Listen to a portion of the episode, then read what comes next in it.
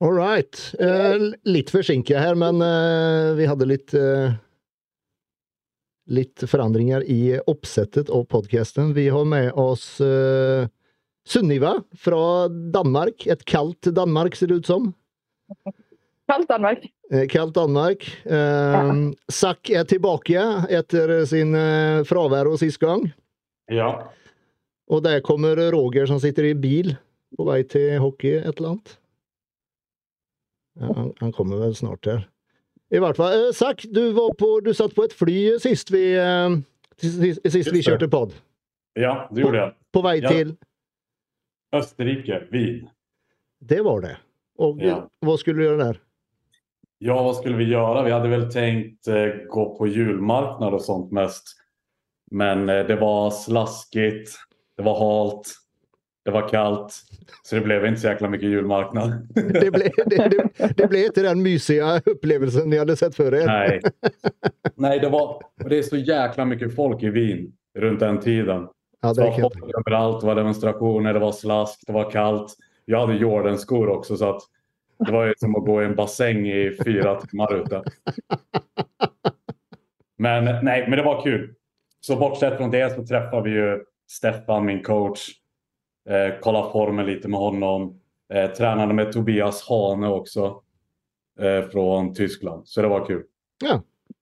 Så kult. Og det ser ut som du fikk eh, på deg noen kilo, i hvert fall i, Nei. i, i, ans Nej, i ansiktet. da. I Österrike tappade jag vikt. Det är efter. Oh, ja, ok. Det blev för många steg. Ja, ok. altså, vi pratade jo om det litt før, nu innan vi eh, startade, du och jag, om eh, just at du, du gainar all, all vikt i ansiktet, ser det ut som. Allt. Det, det hänger liksom inte med resten av kroppen. De lever två separata liv. Ja, Nej, men I Österrike så jag, tror, jag är inte van att gå över 10 000 steg om dagen. Mm. Och där tror jag gick eh, typ 14 000 och eh, 18 000. Oj. Och vi åt ju liksom fritt. Men jag tappade två kilo från den resan Åh oh, fan. Så ja. Men da når du sier äter fritt, så når du er ute på resa, er det likevel svårt å få, i, eh, få in alle kalorier som du egentlig skal ha? Eller som motsatt hvor du spiser hjemme, da? Jag, jag tror det eftersom jag är van att äta eh, åtta måltider om dagen. Oh my god. Där borta blev det kanske fyra. Och då, då, det är svårt liksom att komma upp till 6000 kalorier. Mm, ja, ja, på fyra måltider er det Ja. svårt. Samtidigt om du går mer så för, förbränner du ännu mer. Ja. Så jag kanske borde lägga på 7-8 tusen för att Ja. vara viktig. Ja, Ja. ja, ja. Det är svårt att i om man inte trackar. Det er det. La, la ni noen slagplaner for neste år, da, eller? Ja, vi, vi kollar lite för jag, jag tränar med ett annat proffs, eh, Kevin Stutz också. Så det var kul att tävla tillsammans men realistiskt så behöver vi nog vänta till 2025. Men det verkar som att Stefan vill eventuellt att jag kör. eh, Det kommer ju en tävling nu i Spanien första december nästa år. Kanske kör Prag, den och Österrike. Ja.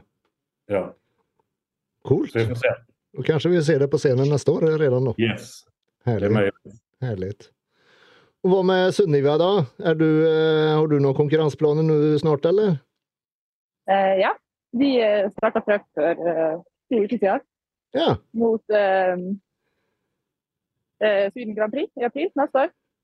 Kult. Så samme show som vi kjørte i år. Ja. Og jeg og Heidi snakka litt om det her jeg husker ikke om det var i går eller om et par dager siden. Eh, I forhold til at det ikke alltid er så lett å planlegge ut fra at man skal være regionalt kvalifisert. Og Two Bros de er litt snedig eller usnedig i forhold til hvor tid de legger datoene for de regionale konkurransene de holder i Norge, Danmark og Finland. Mm. Um, så nå har jeg jo um, Jeg har fått svensk eh, coach på. Jeg er under eh, Jessica og Anton Okay. um, til neste show. Så jeg tenker jeg utnytter at jeg har litt svenske røtter, og så bruker jeg svensk eh, personnummer og stiller opp som svensk neste. Ja. Så kan man snike seg litt unna den der eh, regionale i Danmark. Da. Ja, eksakt. Nei, eh, så, som du sier, Heidi snakket også om det i går, var det vel?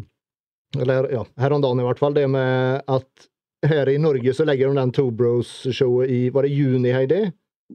Ja, i juni. Og at det er bare ett regional på et helt år. ikke Det er veldig vanskelig for oss å komme oss inn i NPC. Jeg har planlagt hele sesongen min neste høst, men det kommer ikke til å skje hvis jeg må kjøre den regionalen i juni. Nei. Nei, for Det det, er jo det er jo helt ja. utenfor alle, eller de vanlige sesongene, eller hva man skal kalle det. Ja. Men som uh, samboeren min pleier å tulle med når jeg gjør noe, så er det sånn Hello, I'm Hidi Wokakoi from Norway. Så jeg har sendt mail overalt. Til international director og generalsekretær og alt mulig. For å forklare at vi burde jo kunne benytte oss av eh, Sverige sin regional. For det sier seg sjøl med Ja. én regional på et helt år, så lager de krøll for at mange av oss skal komme oss inn i NPC. Mm. Og til å starte med så hadde de jo faktisk kun en eh, pro-qualifier i Norge. Jeg husker ikke om det var både 21 og 22, eller om det kun var i 2021. Um, men så lenge de kun har en pro-qualifier i Norge, så er det jo fri til å stille hvor du vil, hvor tid du vil. Men så snart de har lagt inn en regional i tillegg, så, så skal du ha den for å kunne stille i etterfølgende pro-qualifiers. Og det er jo litt teit hvis du allerede har hatt en sesong og har vært i utlandet og stilt opp til regionale der, f.eks. Mm. Det er liksom de, de, de, dem, eh, jeg tror at mange av dem ikke skjønner helt hvordan ting er her i de små landene hvor MPC er liten og sporten er liten, og ikke minst det er jo amatørlig. Jeg kan ikke begynne på DEF tre måneder før juni, og så skal sesongen min begynne i september. Så um, det må man bare Ja, vi får se hva jeg får til svar. Men hvis ikke så er det sånn jeg òg bare faen meg flytter til Sverige. Ja, Mm. Faen. Man har planlagt alt, liksom. Og jeg, har, jeg skal kanskje bare konkurrere tre år til, liksom. Så jeg føler at det er jævlig kjipt hvis jeg mister hele 2024 for å konkurrere. Det er liksom Det kjenner jeg det er jævlig nedtur, altså. Ja, ikke sant. Men uh, hva du tenkte på, Sunniva? Blir det, blir det wellness, eller blir det, blir det fortsatt bikini? Eh, altså, jeg hadde jo litt bestemt meg for at eh, den konkurransen vi hadde i år, det var siste bikini. For jeg var litt dritlei av å, av å skulle holde igjen og at det heter to timers cardio og en halv times trening, liksom. Det, det var jo ikke det jeg signed up for. Nei, ikke sant? Um, så jeg hadde egentlig tenkt jeg bare skulle trene og spise neste år. Og så får jeg et tilbud fra Jessica Anton, som jeg ikke helt kunne si nei til. Og som studerende og stipend og det er litt økonomisk budsjett og sånn, så, eh, så gjorde det at jeg fikk mulighet for å ha en sesong til til neste år. Og jeg, jeg tror ikke helt jeg rekker å bygge på meg wellness-bein. Altså. Det er såpass respekt jeg likevel for klassen at eh, Mm. vi tar en runde til i bikini hvis det, Ja. at det, Ja. det, det er det vi når. Ja. Men det er, det er wellness som er, som er målet, i hvert fall sånn på lang sikt? Eller er det til og med en, en, en, en klasse til opp? Figure? Haha. Haha. Det tror jeg vi har diskutert siden 2019, dette. Men jeg tror, jeg, jeg tror aldri Man skal aldri si aldri, men jeg tror ikke jeg kommer til å stille meg opp i en figurklasse. Det, det, det, det er bare sånn Jeg føler når man legger så mye av kropp og sjel og tid og, og engasjement og ressurser i denne sporten fordi at man ja, er så glad for det, så syns jeg at det skal stemme litt overens med, med hva man har lyst til. Exakt. At ryggen og skuldrene gror som ugras, det er en annen ting. Men uh, så får man trene det litt mindre. Mm. Ja. Ja, ja. Gleder meg til å se det på scenen igjen, i hvert fall. Det blir gøy. Det, det tror jeg også. Det er i hvert fall jævlig bra show der over. Ja, Det er i Sør-Italia. Det, det er de bra på. ja, ja fy faen. Det der kan de, altså. Det er uh... Ja. Det var til og med det jeg skrev i denne mailen, at alle, alle fra Norge, det er jo det vi vil gjøre. Vi drar jo til Ja. Sverige for å være med på det showet. Liksom. Det er sånn vi vil starte vår inngang til MPC. mm. Så ja, det er jo det vi Og det er jo liksom Sverige og Norge, altså det er så nært også. Det er liksom Roger, du er på vei til du skal, Hva skjer? Hockeycamp? Ja, stemmer. Hører du meg? Ja, ja.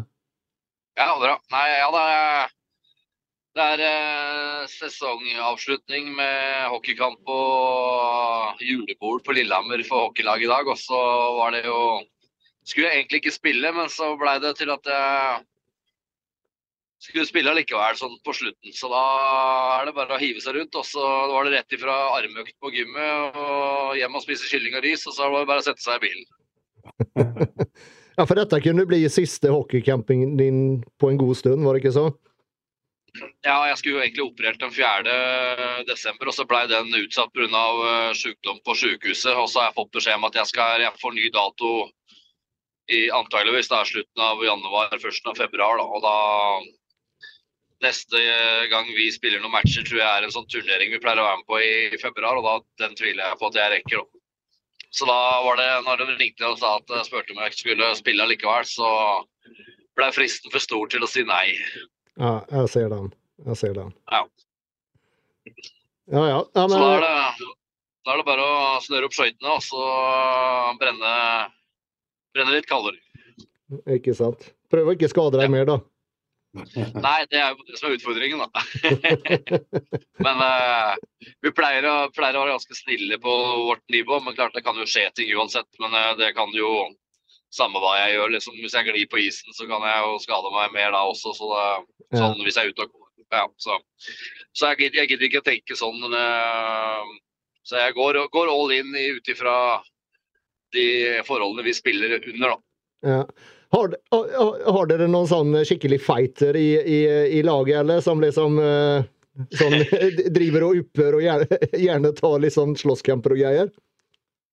Nei, på, på vårt nivå så er det ikke noe. Det, det kan jo gå en kule varmt da når vi spiller matcher og sånn, selvfølgelig, men det, det er lite av det.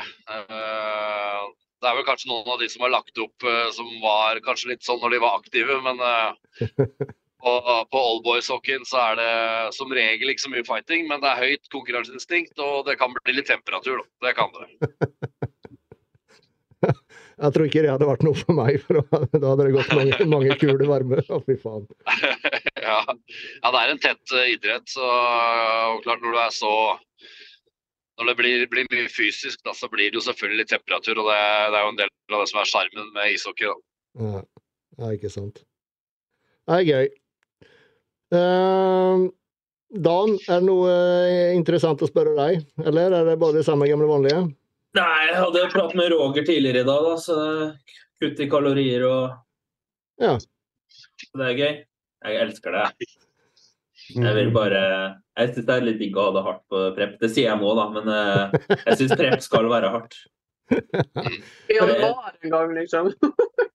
Ja, men altså, hvis man ikke er hardt, så føler man at man kunne gjort ting mer, eller Jeg liker at det, du skal være sulten, og du skal være litt sliten og sånn. Um, Er du sulten nå? Du er jo bra sulten nå, eller? jeg er sulten, men uh, jeg, det går fint, ja. Det går fint. Du har gått ned en ti kilo eller noe? Nærmere? Ja, syv, syv Ja, ca. sju. Ja, for du er, var nå? 111, og du var ca. 120 når du starta, var det ikke det? Ja, 118-19. OK. Ja. Ja. Mm. Jeg er ikke så tung. Det er ikke sånn svær. Nei. Men Han er beskjeden. ja, ja, ja, han er beskjeden. Du har, du, har, du har grodd bra siden sist du sto på scenen, i hvert fall. Ja, det håper jeg. Det må til. Ja, fy faen. I hvert fall hvis man skal yppe med sånne som uh, Zack og de gutta der, så så må man oppnå størrelser. Det er jo det man vil. Ja. Altså, ja, ja, ja, klart, og du er såpass høy også, du burde jo egentlig veie sånn 140 opp som du. Ja. Du er jo, du er jo for faen halvannet hode høyere enn Sak. ja, så mye høyere. Du, hva er du, Sak? 1,73. Ja. Ja, det, det er fem, hva, hva er du, Dan? 1,88? 86, ja. Ja, 86. Mm. Det er Ikke, eh, ikke, ikke, ikke blodtrykket mitt, altså, men uh, høydecentimeter. det er ma mange kilo, det. Man regner vel, det, én kilo per centimeter? Nei, jeg vet ikke faen, det går vel ikke å regne, og så gjør det. Det om man är efter viktbegränsningar så blir det jo enda mer. ja. Ja, ja, sånn, ja. ja. Jeg tror jeg har 15 kilo nesten mer enn Zack å stå på scenen. Ja, da. I Ja. hvert fall. Om ikke mer. Hva får du veie igjen på scenen når du er 86? Er det typ 105? Ja, jeg tror jeg er 105.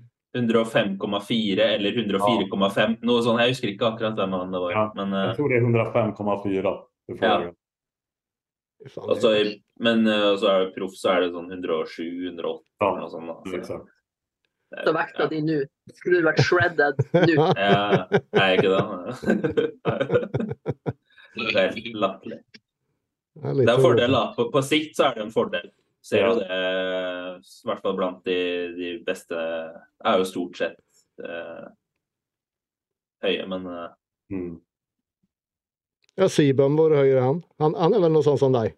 ja, jeg tror han er 86, ja. Ja, ikke sant? 80, om ikke litt mer. Han är nog lite längre än dig. Ja, till och med. 88, 88 kanskje. Ja, för jag tror han får ju väga 114 kilo som proffs. tror jag. Å ja, ja. Ikke ja, sant. såpass ja.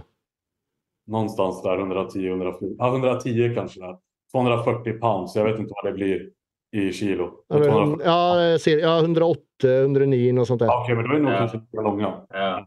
Han kan veie det han vil, han den bare endrer reglene ut ifra hvor mye han veier. Ja.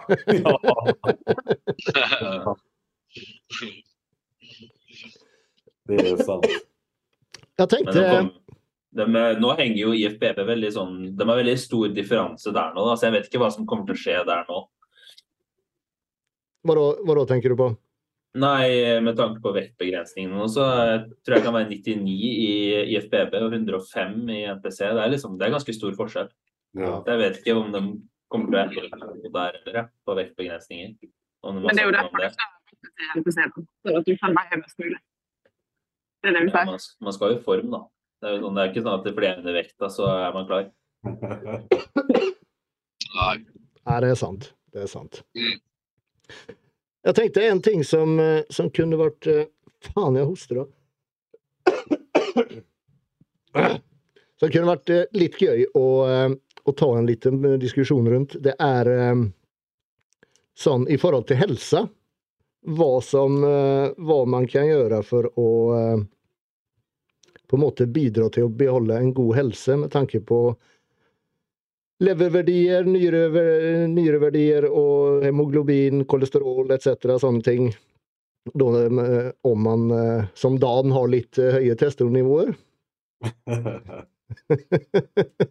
Så eller, eller de fleste av oss, kanskje.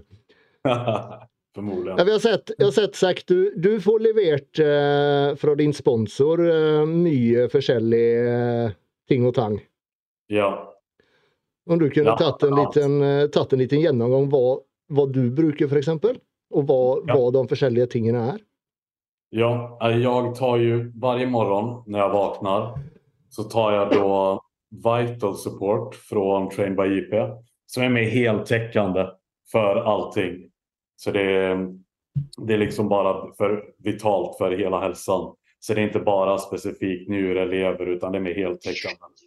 Och sen utöver det tar jag kurkumin fastande som är antiinflammatoriskt.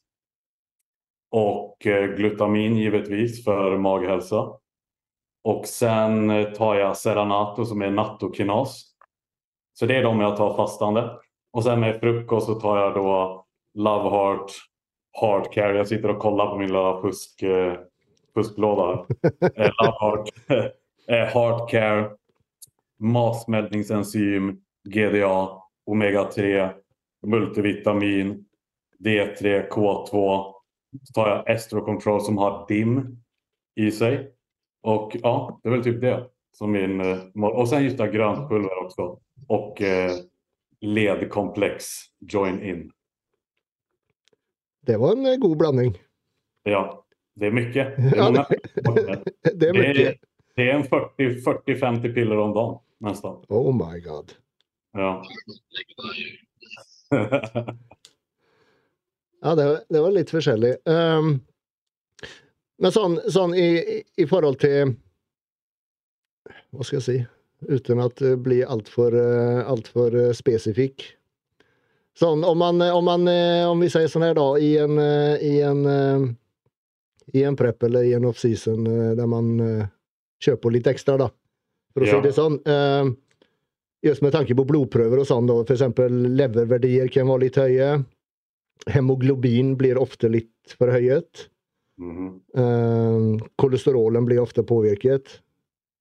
Hva er specifika ting man kan gjøre just, just med tanke på det da? Alltså, jag brukar alltid säga att kosttillskott är alltid kosttillskott. Mm. Så det är något som bidrar till allt annat. För något som många glömmer till exempel en off-season det är eh, cardio. Alltså att få, liksom, Mm. få upp pulsen högt, få ner den, få upp pulsen högt. Antingen kan man hålla inne 20-30 minuter cardio varje dag eller göra en form av hitträning. Det har jag sett hjälper till med kolesterol, hemoglobin och Mm. allt det där. Utan att ens behöva lägga till kosttillskott. Så först och främst håll inne cardio så man har bättre fitness. Det kommer bidra väldigt mycket. För att, eh, så det är väl först och främst se till att man dricker mycket vätska för njurarna och eh, just hemoglobinet. Sov bra. Så det är liksom basen. De tre. Och sen kan man börja kolla på kosttillskott. Mm. Just med, med, med, med hemoglobin då, om man har lite höjt hemoglobin, finns det något specifikt kosttillskott mot eller som hjälper till med det och holde då hålla ner värdierna där? Ja, jag, jag skulle säga den Heartcare Heart Care eller Vital Support. Den har Red Yeast eh, och de där ingrediensene. ingredienserna. Mm. Skulle, och citrus bergamot till exempel. Mm. Så de två specifikt skulle jag vilja säga. Mer mot det. Mm. Sen eh, lever, levervärden så vet jag, det er vel ikke ofte et tema egentlig levervärde om man ikke ja, gjør noe veldig spesielt, holdt jeg på å si. Ja. De er, de är for förhöjda for oss ändå. Men sen Ja. vil man ikke ha for förhöjda Mm. Og der fins vel et ett bra fra åh, nå eh, jeg jag helt. Revive har Re- Revive, Revive, yes. Den som Den är ju heter, specifikt för levern. Ja.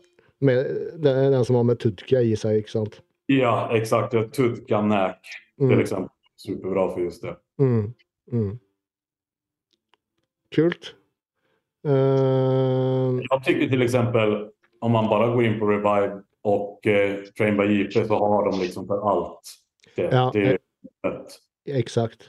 Ja, och det är som sagt varför jag sa det här med cardio för att alla har ju inte råd med att köpa sådana här kosttillskott för de kostar ju väldigt mycket också. Mm. Och då är det bara liksom cardio och hålla kroppsvikten på en relativ nivå. För det ser vi ju alltid, bara när vi går ner i kroppsvikt och gör mer cardio.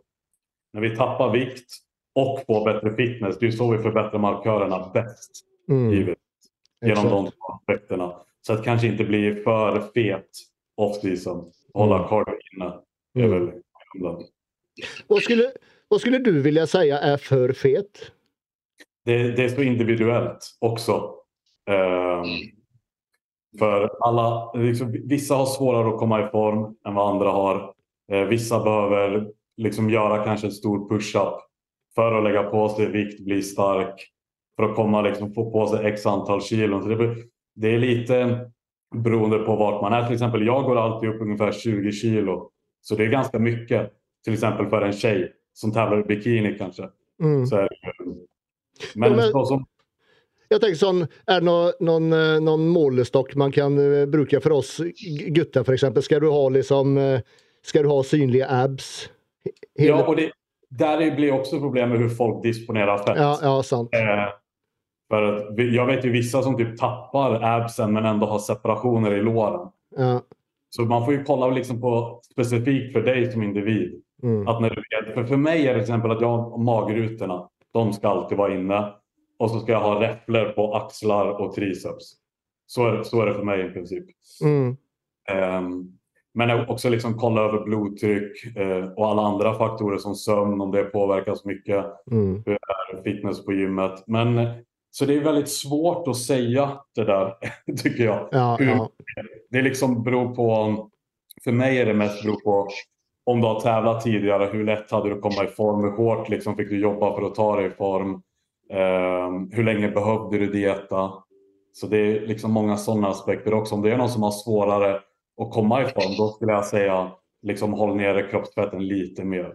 Kanske. Mm. Mm. Ja, ikke Og så er det jo også presta prestasjon på gym og sånn er jo ikke alltid, alltid Du presterer jo ikke alltid bedre jo tyngre du er.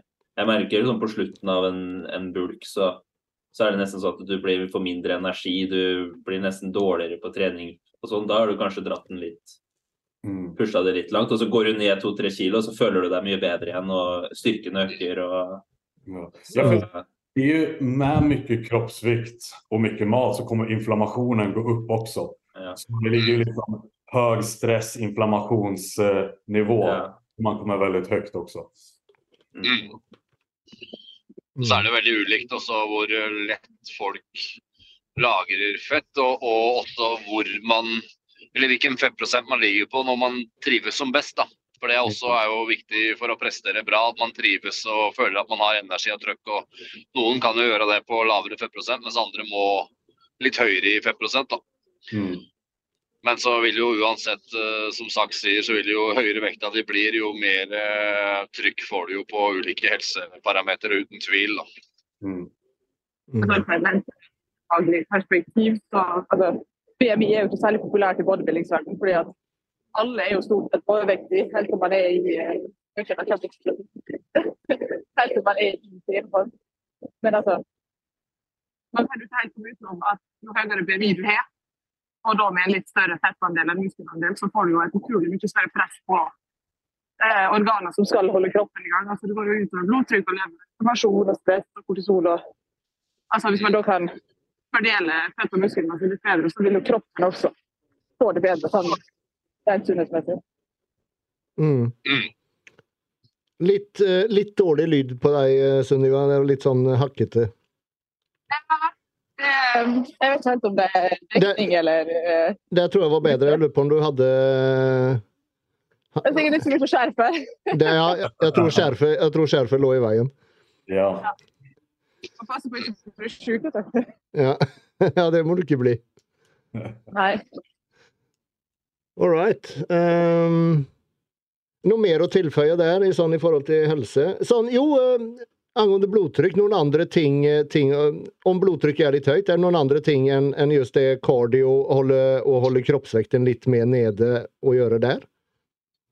Det er vel egentlig de tingene som er, som er det eneste, holdt jeg på å si. Det er jo koffein og salt, og det er liksom væskeinntak, og det er liksom mye som du kan påvirke, men eh, det er vel hovedsakelig kroppsvekt og og som spiller inn. Men, ja. Och om man, om man har liksom högt blodtryck och kan få blodtrycksmedicin till Ja. exempel så kommer givetvis det hjälpa en hel del.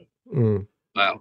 Så kan man også ta blodprøver for å se om man f.eks. er disponert da, for, å ha, for å ha større risiko for uh, kardiovaskulær sykdom. Da, og har man det, så har man ofte også lettere for å få LDL-kolesterol og sånn også. Så, men da vil det jo være medisinsk eh, Eller muligheter for å behandle det medisinsk, da. Ja. Men, men hvis, man er, hvis man er disponert for det, og så har man uh, veldig mye væsketrykk i kroppen og høy kroppsvekt og sånn, så vil det jo bare gange risikoen da, for å få kardiovaskulær sykdom. Da. Så det er jo greit å ha greit å ta noen blodprøver i løpet av et år også for å sjekke status på, på helsa si, egentlig. Mm. Uten tvil.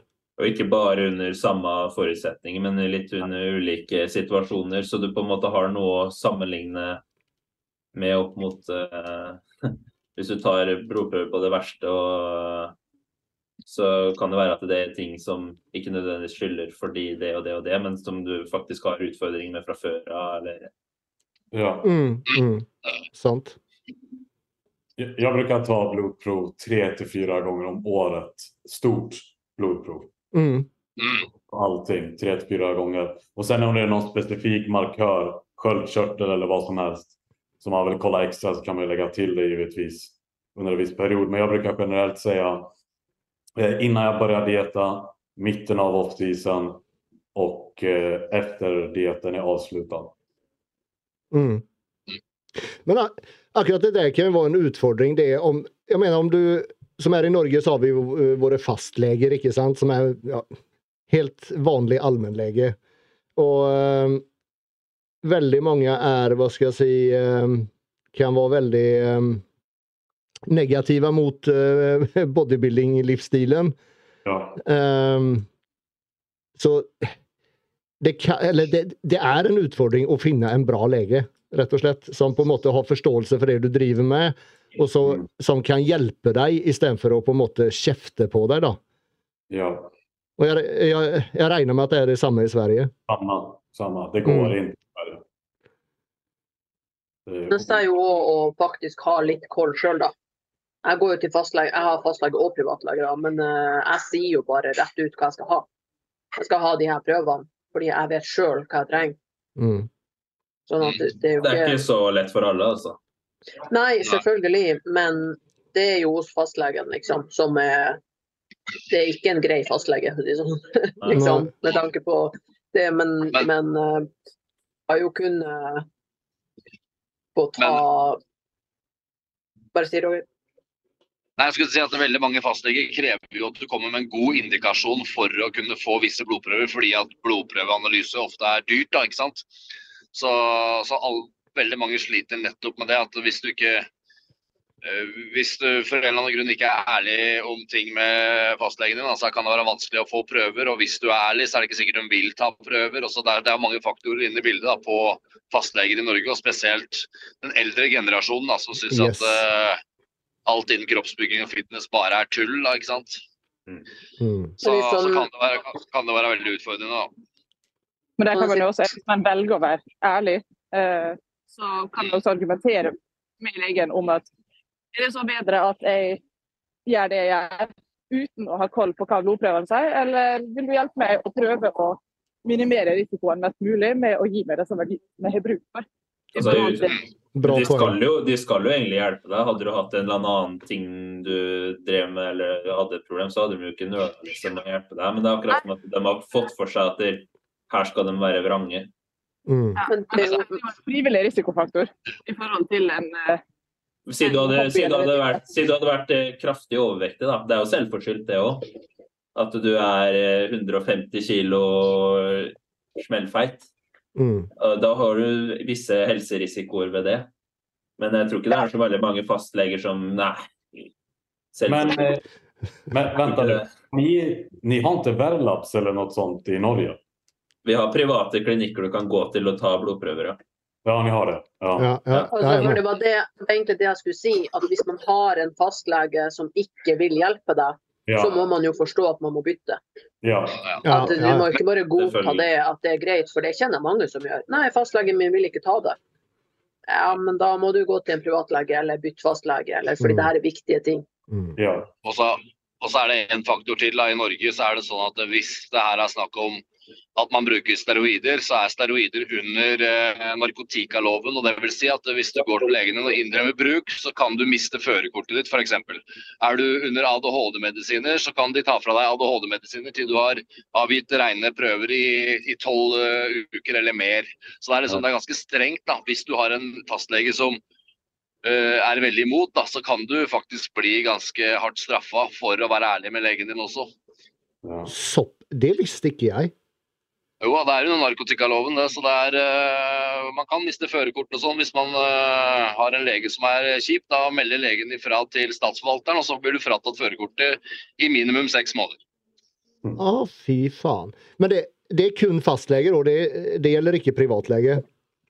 Nei, de private de bryr seg på en måte ikke, for de har jo ikke noen form for meldeplikt og sånn. De har jo taushetsplikt, så hvis du går dit og bestiller prøver, så trenger ikke du å si hvorfor du vil ha prøver. Mm. Da får du bare svar, ikke sant, uten at de setter seg inn i hva som er hva, da, hvis ikke du sier noe sjøl. Ja, ja, Ja. ikke sant. Så får du sånne røde tall eller sånn også. Eller grønne tall. Litt sånn, litt sånn fargeblind. blodprøve. Hva sa du, Sunnivia? Ja, blodprøve med red flags. Eh, Så står det ditt testosteronvärde er lite for høyt. For høyt.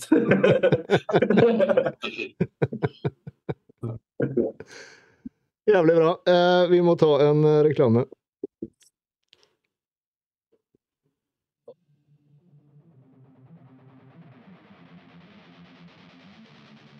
Denne episoden er sponset av The Shock Factor, som uten konkurranse lager Norges råeste tøy for alle oss gymrotter. Med kule design, perfekt passform og deilig stoff er det veldig vanskelig å ikke digge Shock Factor sine kolleksjoner. I tillegg er det knallgod kvalitet til meget konkurransedyktige priser. Om du er ute etter oversized og pump covers, da er old school eller graphic-kolleksjonene noe for deg, med mengder av kule design å velge mellom.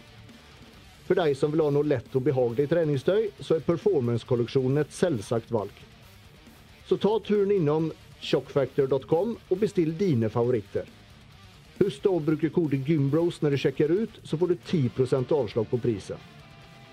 Altså koden GYMBROS gir deg 10% avslag på prisen hos shockfactor.com.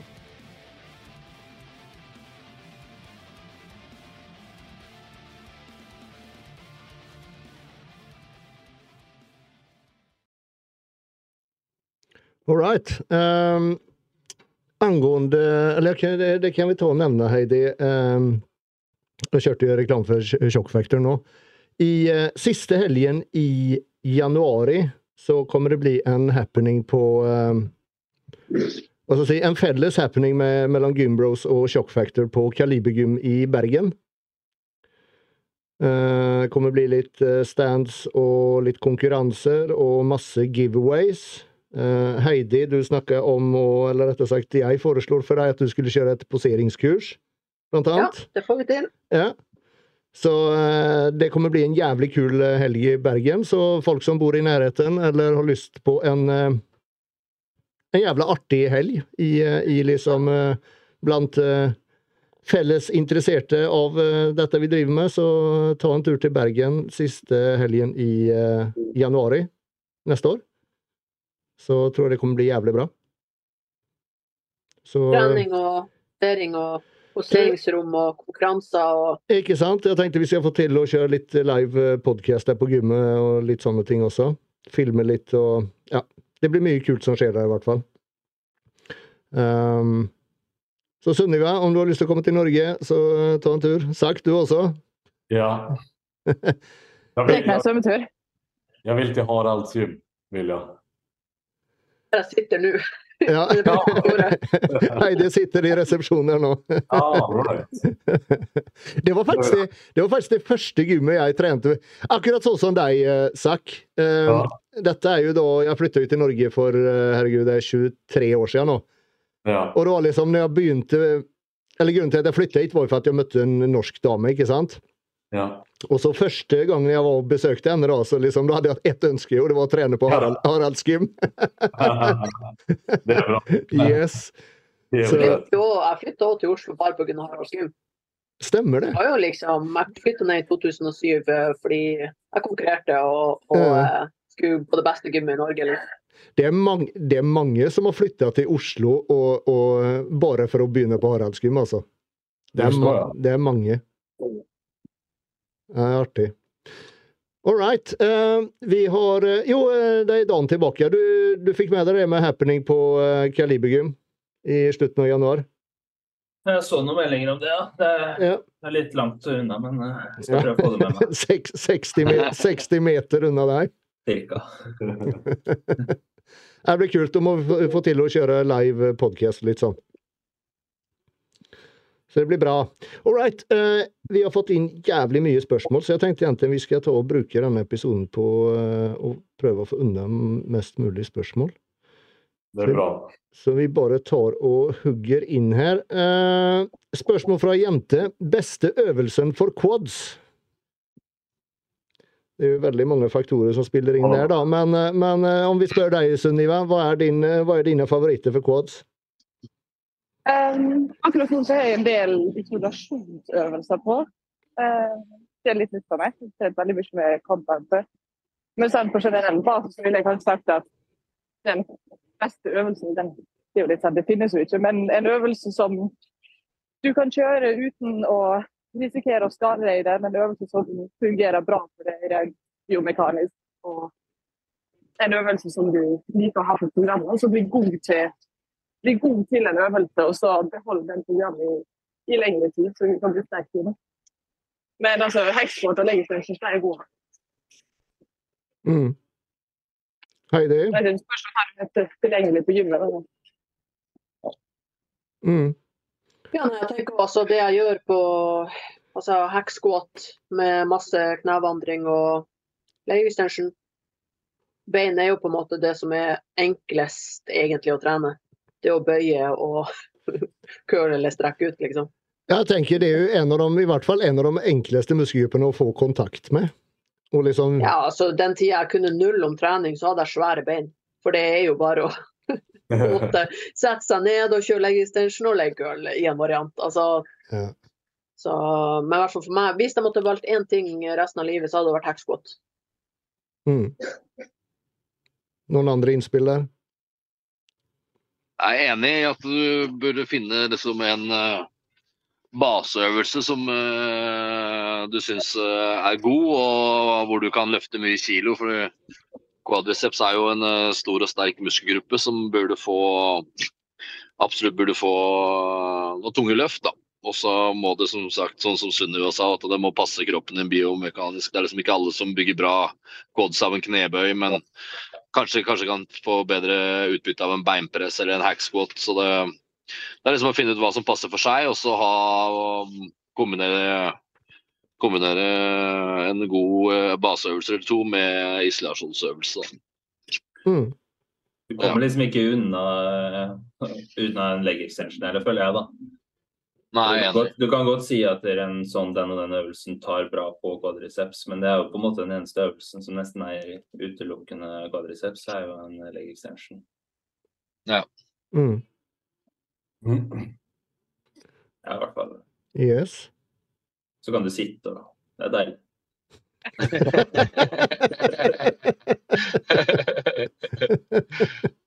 Enten så er du for tung, da, Dan, sånn at det, du må sitte, eller så er du på diett og er sliten. Så den skulle sitte.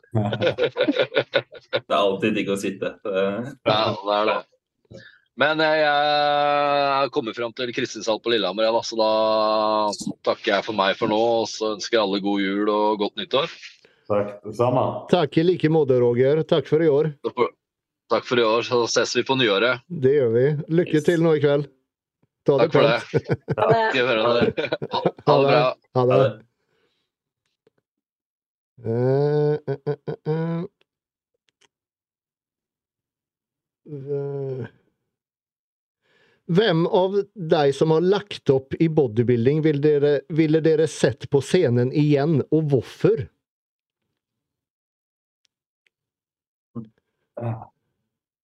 Altså, Askeland, for eksempel. Hva sa du? Pros eller amatører. Eh, nei, det står ikke. med, med jeg tenker proffer, da. Men, men da tenker jeg liksom i, i dem sin prime, da. Ikke, okay, ja. ikke der de er nå, liksom. Nei. Jeg mener, Nei, det, det- det er ingen som vil se Ronny Coleman nå på scenen, liksom. Jag, jag hade velat sett eh, Dorian Yates. Bara for at de sier att, eh, Ja. at det inte kunde liksom beskri, alltså man kunne ikke förstå hur hård han var utifrån bilderna. Man måste se det Mm. live. Och det, det, det, det hör man om Dorian Yates hela tiden. Så jag hade velat se Dorian Yates live och se vad de, liksom, vad är de pratar om. Før, før han røk biceps og Ja. sånt, sånn, ja. ja I, i, i, i den Ja. ja, beste primen, på en måte. De ti, tidligere olympierne er det sånn. Ja, Ikke, ja. En- det hade varit coolt. Jeg har lyst til å se 2013 Phil Heat. Eh, Enig. Ja, det har vært gøy å se live. Coleman så jeg i 2004, og det det er det sjukeste jeg har sett, i hvert fall. Ja. For da var Eh, han bedre enn 03 og 99. han, var, han- han var stor, altså. Fy faen. Um, men jeg er litt enig med Zack der. Det, det er som du sier, alle, alle liksom, som så Dorian på, i sin prime, sier at det, liksom, det fins ingen bilder som liksom viser hvor jævla rå han var. Eller just hard han var. Han tycker jeg blir den mest mystiske når det kommer til Mm. Det er det lite de vil forsvare sin liksom, ja, deras tid. Men jeg tror, jeg tror på det de sier. Jeg hørte Chris eh, Cormier, liksom, han sa att eh, Prime Dorian skulle kunna vinna över Prime Ronnie. Det tror jag inte själv, men Nei ah, Ja, men kult at du fått sett det, da. Tenk Ja. at nå kunne liksom ha opplevd det og sett. Det hadde liksom vært kult å, å, å sett da, for eksempel Dorian, Coleman og Phil Heath som på en måte er de, Hva skal jeg si ja, the goats ja. da. Jeg, jeg, tror personlig at Ronny er helt oslagbar. Ja, ja, det? ja, det tror jeg også. Det tror jeg også. Det er, Ja. ja, fy faen, ass. Så tenk man å sett Ronny tidlig, tidlig, helt til når han ble pro. Bare for liksom få den Shit, hvor Ja. syk kan han her bli? Ja, men tenk deg, han, han ble jo for faen proff ut mens han fortsatt var helt na naturlig, liksom. Så sjuk. Han var ved Ja, Olympia, naturlig var han ikke det? Ja, han fikk vel eh, Han hadde vel Nei. eh, Jo, jo, jo. Hans første, hans første Olympia så var han naturlig. Ja, exakt. Men han vann jo det. Nei, nei, Nei, ikke vant, nei. Nei, han, han vant ikke, men han, han kom jo sjuk ut. Var Ja, det er er jo sjukt. Der kan Ja. du bare meg snakke om genetikk. Fy faen, altså. var, var, inte Ronny typ 34 år første gangen han vann Olympia? 34, 33. Jo, det kan jo stemme. Tror det. Ja. Og så pluss da at han hadde en fulltidsjobb de første olympierne som han var med i. Og åtta barn. Det er helt sjukt. Faen. Åtte? Så har du Ja. åtte unger? Åtta barn. Ja, Stakkars kjerring. jeg, tror han har bytt, hun som skulle stille til Olympia. jeg tror han har bytt kjerring litt underveis. Ja. Skulle ikke undre meg.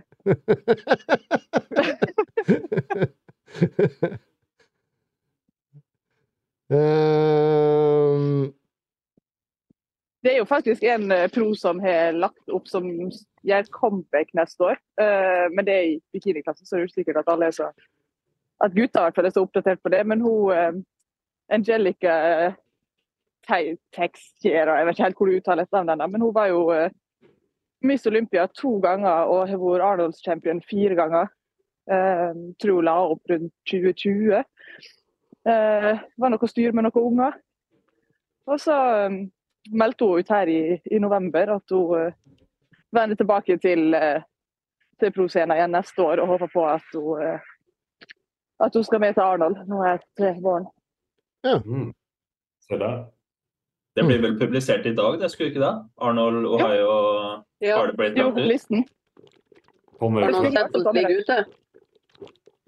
Skal komme meldte ut i går at det kom i dag. Altså. Ja, det kommer om en timme tror jeg, ungefær. Silje landet kjøpte eh, tickets og alt til eh, Arnold eh, i mars i UK i går. ja, dere skal dit. Noen, noen mer? Skal du dit, Zack? Sunniva? Ja, jag ska, skal nok dit. Du skal? Ja, kult. Kult. Jeg skal dit med, ja, Gasp skal jo dit. Så vi tenkte åke dit samtidig. Ja, Så det blir kul. det blir kul. Um, deres beste tips til å lykkes på veien mot konkurranse? Veldig bredt spørsmål, men uh, ja. Noe Lykkes sånt. på veien, eller lykke, hvordan veien skal være for å lykkes på konkurranse? Beste tips til å lykkes på veien mot konkurranse? Ja, for for å lykkes å nå målet sitt? Ja. Jævlig blodseriøs. Ta det dønn seriøst fra første start. Ja. Og gjør det du skal hver jævla dag. Liksom. Mm. Være Mm. et godt sted før du starter. Sånn at du Ja. har muligheten til å, Ja. til å holde de tingene du skal, uten å gå på kompromiss med ting som betyr mer i livet. Ja. Som helsa, f.eks. ja Om den er fysisk eller psykisk. Ja. Bra poeng. Uh...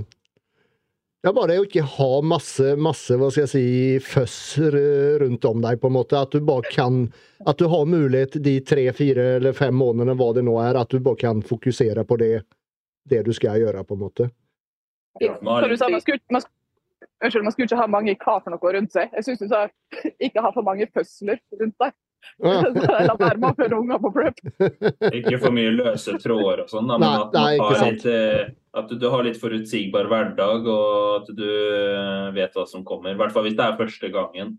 Har du gjort det noen ganger, så, så, så kan man liksom takle litt mer eh, ting som skjer, men du bør første gangen du skal konkurrere, ha en formening om hva som skjer de neste fire-fem månedene. Mm.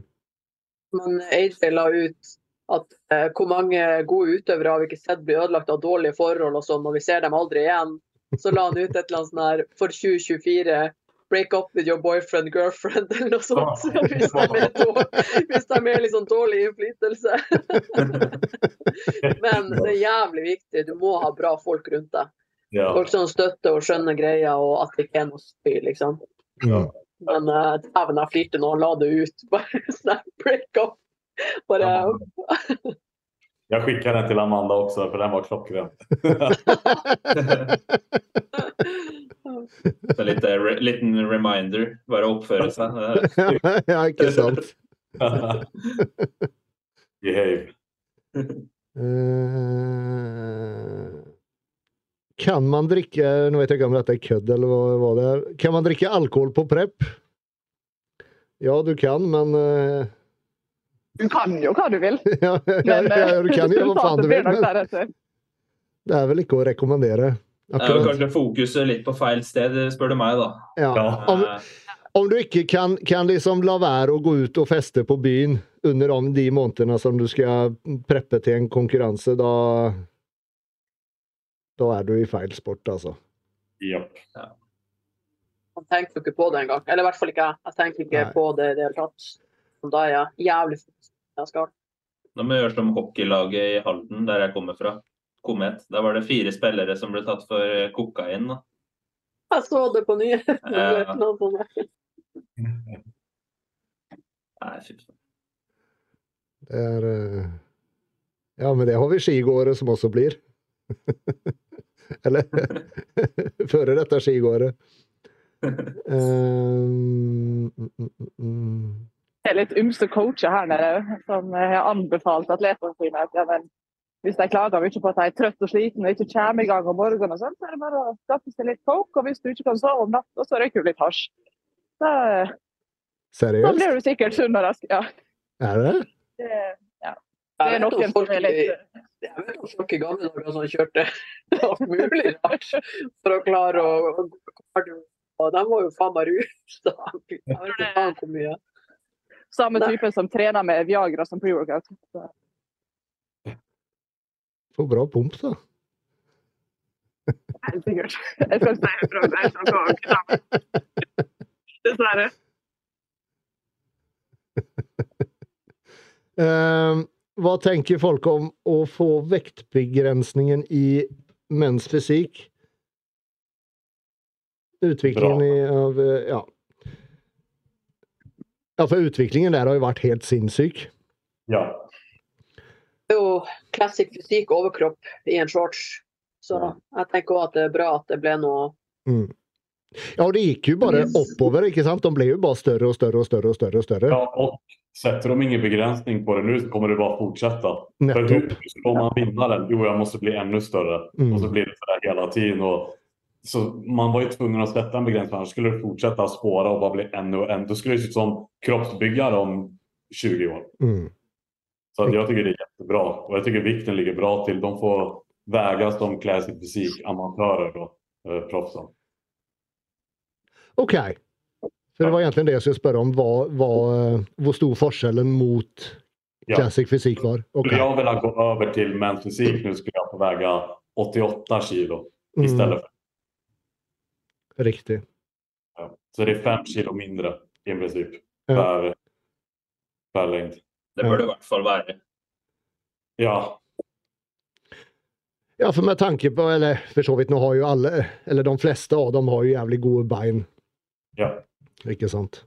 Det er jo de færreste på det nivået der som ikke trener bein. Det er ikke som er De, ikke de, de kollar ju på låren också lite. Det ska de väl inte göra, men de gör ju det också. Det har Taylor Tyler Mannion sagt att bara för att vi har viktbegränsningar nu är det inte incitament.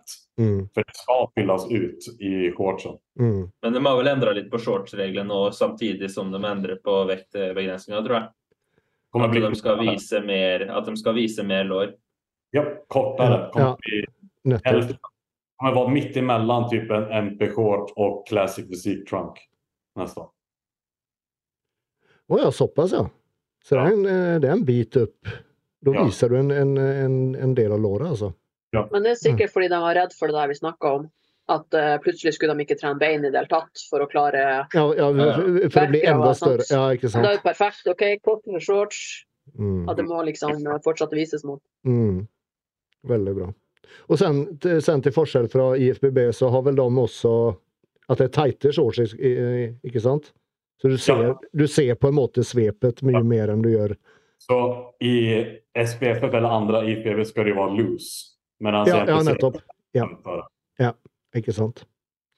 Og i IFBB så må det gå over knærne. Det skal liksom gå ned til knærne. Det får ikke være ovenfor knærne. Ja. IFBB.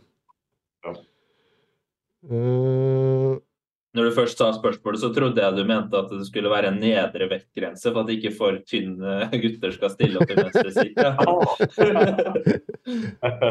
Ja, det faktisk det burde vært begge deler, kanskje. ja. Jeg tror jeg det vært en fordel i pleien plasser.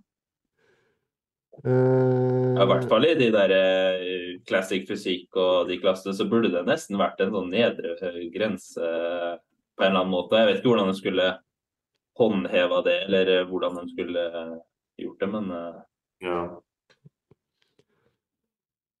Pepperkaker, jeg eller nei? Yeah. Nei. de du kjøper, ja. Ikke de du baker. Tvert om. De du baker, er jo faen så mye bedre. Nei. De der på de runde boksene på butikken er det beste.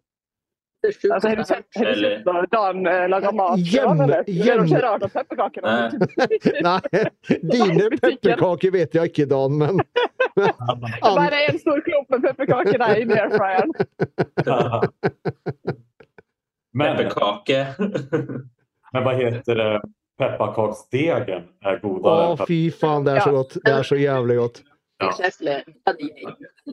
Men har, det, har, det, har dere prøvd eh, pepperkaker med sånn her um, ferskost? Nei, nei, ikke ferskost, men eh, typ, Ja. Fy faen, det er godt. Det er så jævla godt. Ja. Det er sykt godt. Pepperkaker med, med, med sånn type grønnmøggelost-ish på. Det er sykt jævla godt. Få testa til jul. Ja, gjør det, for det er Det er bra. Det, hører, det høres helt, helt forferdelig ut, men det, det, er tydeligvis noen noen sånn her mesterkokk et eller annet som har, øh, fant ut dette. Det er mange år siden nå, da. Men det er sykt jævla godt, altså. Mm. Det var, det, det var garantert en sånn her junkie som fant på det der. Ja. Fy faen, så jævlig Ja, det er en delikat- det er. Det er, en delikatesse. Ja, de, de, de to smakene går så bra i sammen, på en måte, så det blir liksom bare Ja, det blir bare food porn, rett og slett.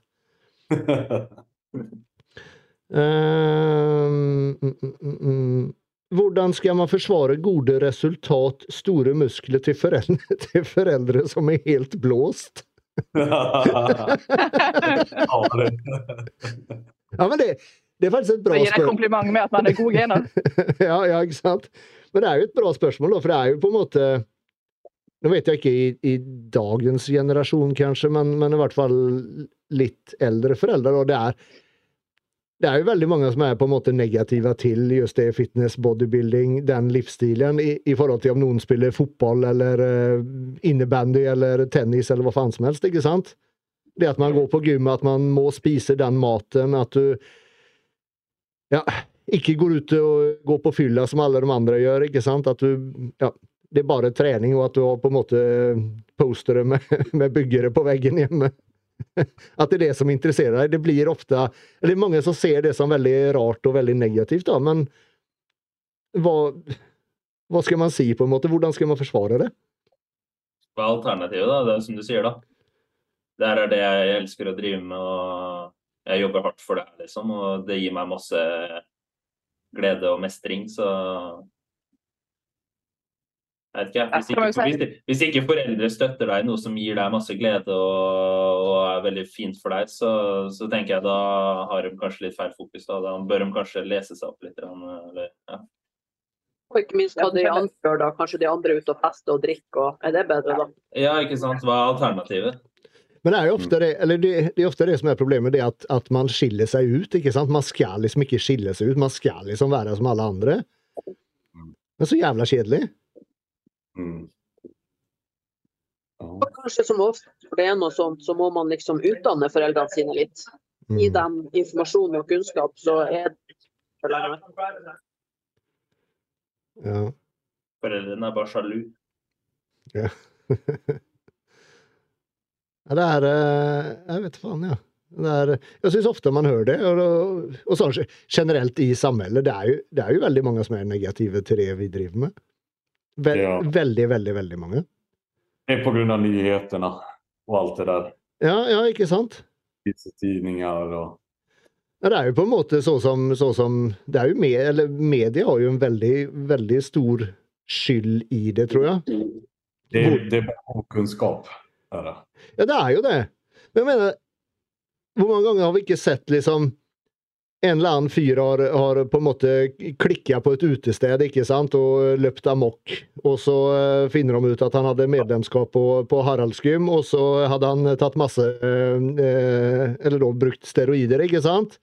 Ja. Og da er det sel- selvsagt det som er skylden. Sen det at han var drita full, eller at han var fullproppa med amfetamin og, og masse andre droger, det, det gidder de liksom ikke å nevne noe om. Men just det at han hadde Han var på en måte en, en, en hobbyboler, da. Ja, eller at han tok 20 år siden. Så Ja. sånn, kroppsbygger, Yes. og så kommer det andre, liksom. Så Ja. sånn, nei, han er kroppsbygger, han er en rusa fyr. Nettopp. Nettopp. Det er ingenting som irriterer meg så jævla mye som når jeg ser sånne overskrifter, altså. Det er, det er lenge siden jeg så det nå, men, men, men faen, altså. Ja. Men at Maureen vinner bikiniolympa, det skriver ingen om. Nei, Nei, det, det kan de ikke skrive om. Nettopp. nei. Ja. Nei. Uff.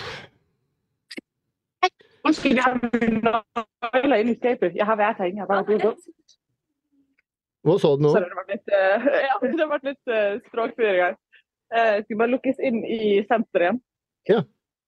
Ja, Nå gidder ikke jeg gå utover. Det var kaldt. Du, ja, jeg skulle akkurat til å si det. Du blir lei av kulden. Ja, Selv om man er norsk.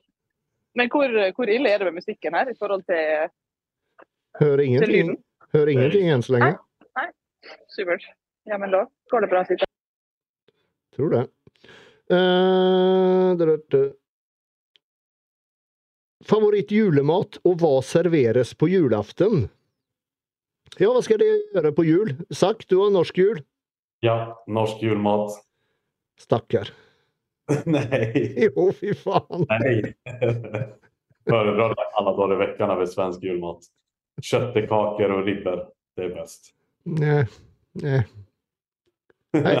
Heidi. Altså, siden vi er hos han Harald og dem, så er det ribbe.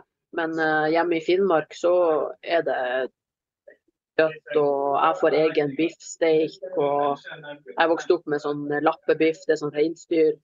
Så det er veldig annerledes når jeg er hjemme. Ja. Men uh, siden vi er her, så er det sånn kjøttkakegreier, og så ribbe, da. Og kanskje noe sånn medisterkake, jeg vet ikke helt. Men uh, jeg pleier bare å spise de kjøttkakene, for jeg liker egentlig ikke julemat. Nei, da, da er vi to. Ja, så det er derfor mamma disker opp eh, ordentlig, eller mannen til mamma lager meg biff og alt mulig når jeg er hjemme i Kirkenes. Og så spiser de pinnekjøtt, og så ja. Det er helt andre greier. Bare la dem, la dem spise pinnekjøtt. Dan.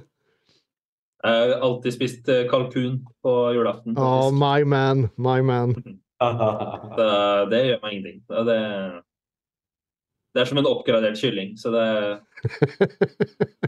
Alle liker ja, ja, det. Er, Oppgradert kylling. ja, det er jo det. Det er jo Ja, det er jo det. En svær jævla kylling. Ja, men det smaker Det er digg kylling. Ja. Sunniva, hva, hva spiser man i Danmark? På jul? I Danmark spiser jeg and. And? Eh, jeg spiser ikke and på julaften.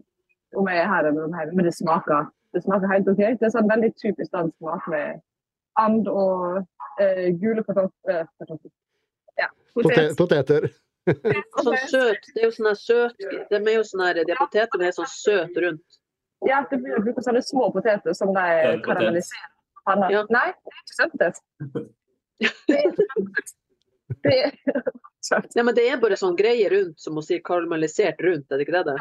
Ja. det er laget vanlig gul potet. Uh, og så bruker de faktisk eh, potetgull, altså chips, til. Hæ? Eh, det det syns jeg er litt rart, men uh, det er helt fint. Men det, det, er, det, det er julematen liksom i Danmark? And, Ja. and og poteter og, og chips. Og saus. Og saus. Ja, men det det var feira dansk jul en gang, og det var det. Det var akkurat det hun sier. Er liksom ikke sånn som i Norge, hvor du har sånn, jeg synes det er nasjonalrett eller retter som stammer litt fra hvor du kommer fra. Det er forskjellige tradisjoner. Alle spiser and. yes. Det er And er kuselig. da. Det er jo gørrgodt med and. Ja, det, det smaker litt eh, Det smaker kjøtt. Som oppgradert er kylling. ja, det er litt kylling, det også.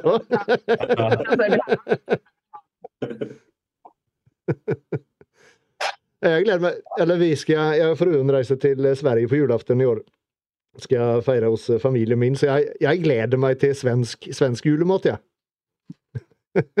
og sak, fy faen. Jeg føler er ikke sånn, eh, er ikke det litt sånn, sånn julefrokost? Sånn, sånn koldtbord med sild og Jo. Jo, jo, det er med, Det er sånn er Ja, med, jeg hadde nemlig ei jul i Sverige. Eh, ja. Er det mer, eh, det er mer koldtbord, kan du si, eller mer sånn masse småretter?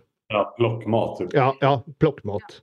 Mm. Men, men eh, takk og lov, vi slipper i hvert fall den der fæle ribba og greiene, de greiene der. Men jeg har enda traume fra da jeg var barn, og så lå det en sånn ribbe som skulle inn i ovnen. Og, så, og det ser ut som sånn menneskehud. Og så var det sånn hår. Det var noe sånn grisehår som sto opp, og den der skulle inn i ovnen. Ah, jeg bare Og det er eh, jeg enda. Fy faen, jeg er helt ødelagt av det her. Gillar ni grisefötter? Nei, fy faen. Sjuk.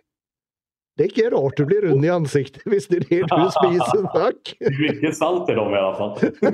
Ja, der har vi svaret! Der har vi svaret! Du har så mye væske i ansiktet, vet du. Ja, min mamma älskar dem. Åh, fan. Å, faen. Ja. Men grisføtter, er, er ikke det veldig spesielt. sånn smål, hva heter det, sånn hode? Smalahove. Målahøv, ja. Ah, Å, herregud. Ja, det, Det er det altså eh. Det er en sånn eh, delikatesse på Vestlandet, er sak. Okay. Ok. Eh, Øye, øye og alt er jo der. Det er et, et får, fårhode. Oh, ja, Ja. det det. Det ligger, det ligger på bordet. Du, du ser hodet med øynene og allting. Det er sjukt. Det er sjukt. Det er sjukt. Det er bare fordi at Norge har vært et fattig land før, så har folk begynt å spise absolutt alt på alt de har. og Det, det hadde ikke vært en greie om det hadde kommet i dag. Jeg vil just at det er en delikatesse, da. Nei. Ja, det var da. Ja, var det det? Eller var det bare restemat, eller for å spise alt? Jeg vet. Eller, eller nå kanskje det er en delikatesse for de Ja, spesielt interesserte, da. Ja. Jeg er ikke med i den kategorien der, i hvert fall. Jeg funderer fall er alle dansker de tror at norsker de bare spiser sauehaug til jul. For å si det sånn. Jeg tror det, er de, det tror jeg er de færreste som gjør. aldri smakt det. Det er stort sett skjønt ikke. Eh, hvor mye ekstra vekt, prosent eller kilo off-season tenker dere er bra? Det svarte vi, eller det snakket vi vel egentlig litt om i stad. Det er umulig å si, det er veldig individuelt. Ja. Um, Og så tenker jeg, Jo mer man konkurrerer, jo mer skjønner man kanskje litt hvor sin egen Ja. off-season-vekt Ja. burde være. ikke sant. Mm. Mm. Har noen av dere røyka en vei Har noen av dere røket en veier på et gym før? I så fall, hvem av dere? Det er en milepæl. Jeg tror det første han spurte om noen har, røyka en feit en på gymmet. Altså røket da en kabel. Jeg har det. Jeg har fortsatt merke etter det. Hva kjørte du? arv, arv for livet etter den der. Ja. Hva var det du kjørte da? Eh, sånn eh, bred roing med stang, og så røk vaieren, så smalt jeg stanga rett i Oh. Fy faen. Flaks du ikke traff nesa, da. Heller den, da. Ja, det er vondt, ass. Det Nei da, men uh, jeg hadde nok litt flaks, for tenna er liksom rett under og øyet rett over. og Sånn, men uh. det er ikke så kult å ryke noen vaier. ass. Det er ikke noe milepæl. Det er ikke noe å stå etter. nei. OK. Nei, jeg har klart meg unna, gitt. Jeg trener ikke så tungt som Dan uansett. Uh, hva er deres mål i 2024? Spørsmål til alle. Sak, mål i 2024. Åh, det beror på hva Stefan sier i maj. Men eh, att eh, bli bättre. Hva, vad heter det? Gjøre forbedringene som krävs för att stå mig bra på min eh, proffsdebut och vara konkurrenskraftig. För jag vill inte bara tävla för att tävla. Mm. Jag vill tävla för att göra bra ifrån mig när jag tävlar också. Så målet för mig är väl bara lägga på mig muskler och bli bättre, hålla midjan. Alltså framförallt för mig är det mer bara jobba på X-shape. Framförallt. Mm. Så mer specifikt mer quads, lat, triceps, axlar. Mm. Det bidrar mest i V-shape og X-shape. Kult. Sunniva? Eh, Ja, det er jo litt uh, kjedelig generelt svar, men man ville være bedre enn sist gang. Um, men uh, jeg hadde også litt sånn når vi var i, i Sverige i år, at uh, jeg følte ikke at den conditionen vi kom med, var den jeg personlig ville komme med. Det var litt sånn i forhold til feedback, og så litt tvil om ja, men hvor hard skal man være, hvor mjuk skal man være. Det er bikini, det er vanskelig å sånn, sikte seg inn på når man står i et stort felt. Mm. Eh, Men sånn generelt så vil jeg komme inn litt mer som i 2021, hvor jeg var ganske tørr og hard. Og så bare med, med bedre vei og grus enn jeg gjorde den gangen. For da var jeg, da var jeg tynn og hard. Så jeg komme inn full og hard denne gangen. Mm. Heidi. debuterer i NPC. Beste pakken ever. Ja, det var planen. Vi får se om man må flytte til Sverige for at det skal kunne skje. Men jeg jag, jag tänkte på det ni pratade om det innan. Ni kan ju köra Sverige ändå. Fast eh, regionalen går i juni. Ja, så vi, vi må, de tvinger oss liksom nye regler da, sånn at vi må på den norske regional i juni, så lenge vi konkurrerer etter. Ja, okej. Altså, Så, til- så til og med dem som konkurrerer våren nå, hvis de skal konkurrere etter juni, så må de ta regionals ja, det Norge. Ja, Ja. det vet jag. Ja. Så for det er klart, jeg, kan, jeg trenger jo alle månedene jeg kan for å bygge på. Jeg må bygge, Ryggen min og bli jævlig mye bedre. Så jeg kan ikke begynne på diett for å kjøre et show i juni, og så skal jeg begynne sesongen i september. Jag fattar. Okej, Yes. da ja. Ja, så mitt mål var jo å starte sesongen i, i september, og så har jeg planlagt hvilke konkurranser og alt hva jeg skal gjøre. All right. Så for meg er det, altså, det er rygg. Det er rygg jeg virkelig må. Alt må gro, men rygg spesielt. Men uh, Skulle du kunne tenke deg å stille opp på en regional helt ur form? nei, det skjer ikke. Alle, han AJ òg bare 'Du må bare stille og ikke være i form.' og glem, du må bare, Jeg bare Nei. Jeg skal ikke for Mhm. evig tid. Og, og min fysikk off season, jeg ser ut som jeg ikke har trent.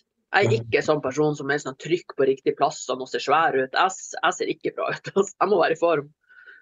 Så eh, ja, det er liksom, jeg vet, jeg har, jeg har sånn helt klinkeklart hva jeg skal gjøre, så alt avhenger jo av hva som skjer med den regionalsen. da. Men jeg, jeg fatter ikke hvordan dere kan ha et regional certificate eh, requirement når dere bare har en regional. Exactly, og det er derfor jeg har sendt deg mail. For det her hadde ikke skjedd i et, Jeg synes jeg ser det, det var én regionals i USA på et helt år. Det hadde jo aldri skjedd. Mm. Så når de velger å ha ett show på et helt år, så må de jo også lage en unntaksregel. Og jeg vet at Finland og Danmark de har hatt et sånn her at dere kan være i hver sin regionals tidligere. Og derfor skrev jeg også at da burde jo vi kunne få benytte Sverige sin, fordi det sier seg sjøl. Med ett show på et år, og det er ikke i noen av sesongene, så gjør de det jo veldig vanskelig. Heidi, det er med Danmark og Finland som har hatt en av, en av hver, eller hva du mente? Nei, før så var det sånn, eller jeg sto det, det leste det i det reglementgreiene. Det er sikkert ikke sånn nå lenger, men da har Danmark og, Finn, og Finland kunnet bruke hver sin regionals. Altså, hvis du er Ja, finsk, så kan du reise. Ja, exactly. Ja. Og så det var liksom det jeg tenkte da. Det, Ja, så det burde jo vi kunne gjøre med, med Sverige, da, siden vi faktisk bare har én i året, som er helt uh, usannsynlig at du liksom Ja, for vi er jo ganske Vi er jo en del uh, Vi er jo en gjeng som har tenkt å dra egentlig til Sverige til høsten og konkurrere, som vi allerede har planlagt. Og alle vi utgår jo hvis det her Så det er jo jævlig kjipt. Du får... det er eh, veldig rart Unnskyld, Lars, Nei, kjør du. Ja, men det bare i forhold til det her med Danmark, Finland og Norge. Og det som er litt, litt shady i det, er jo at når regelen om regional kvalifisering kom, så kom den for alle land som Two Bros er etablert i. Eh, og Two Bros er ikke etablert i Sverige, det er GESP som har styringa med deres NPC-shows. Og Sverige er derfor unntatt fra den regelen, sånn at de kan kvalifisere seg med en regional i Sverige eller i hva som helst annet land Ja. og andre som da ikke er underlagt disse her reglene til Two Bros, de kan bruke den svenske regionale. Men hvis du har Two Bros til å arrangere NPC-shows i ditt eget land, så skal du til deres show for å få lov til å konkurrere i en etterfølgende Ja. Og det er jo det som er helt Yep. skulete. Jeg hadde et team som hadde konkurrert i regional i eh, februar og mars, og var i Sverige i april. Og så ville hun stille i, en pro, i, i Sverige igjen her til september, men da hadde Danmark tatt sin regionale i juni. Så hun var nødt til å stille da eh, mars, april, juni for å få den regionale, og så stille igjen til september. Ja. Selv om hun hadde tre regionale i forveien. Ja, og det er jo det som er, det er jo Two Bros inne i bildet her, da. Som, men um, jeg går jo ikke til MPC Altså, jeg vet hva jeg skal gjøre i MPC. Jeg har planlagt. Jeg har ikke tenkt å være her i Norge og ta Jeg drar jo til MPC for jeg skal gjøre hva jeg vil. Liksom Nemlig. bigger shows og ha minner for livet og skikkelig Ja. Ja. Så vil ha si-opplevelsen går etter sine egne nasjonale Two Bros show. Man har jo sett litt hvordan forskjellen er på Ja. måten det blir arrangert på. Ja, jeg så jo nå med Ebba. Han eh, Johan Bulten, de hadde jo Ebba på et Ubra-show i Danmark, og da hadde de plutselig framskynda eh, konkurransen. Så Ebba rakk jo ikke konkurransen, hun rakk akkurat å komme seg opp på scenen. Ja. Eh, og det er jo sånne ting, det går jo ikke an å gjøre, liksom. Så ja, vi som, vi som er i det gamet, vi har jo skjønt at, hva det er snakk om, liksom. Men eh, angående mål, så er det jo det som er avgjørende for meg, da. Hva blir å skje med den regionalsen og Om, om de fjerner den regelen, så kommer jo nesten ingen til å stille opp på det showet i juni, da. Nei. liksom, det blir eh, så isolert for alle. Det er for sent forhold til de som Mm. stiller i april eh, og pusher sesongen helt til juni. og så- Men, men litt hensyn til at ja, men kanskje de regionale showene skal være litt forbeholdt de som vil prøve sporten, og de som vil ha sitt første show.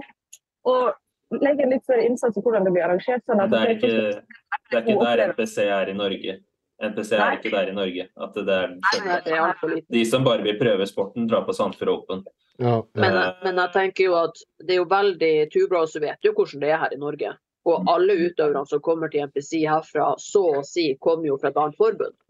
Og alle de andre forbundene har to sesonger.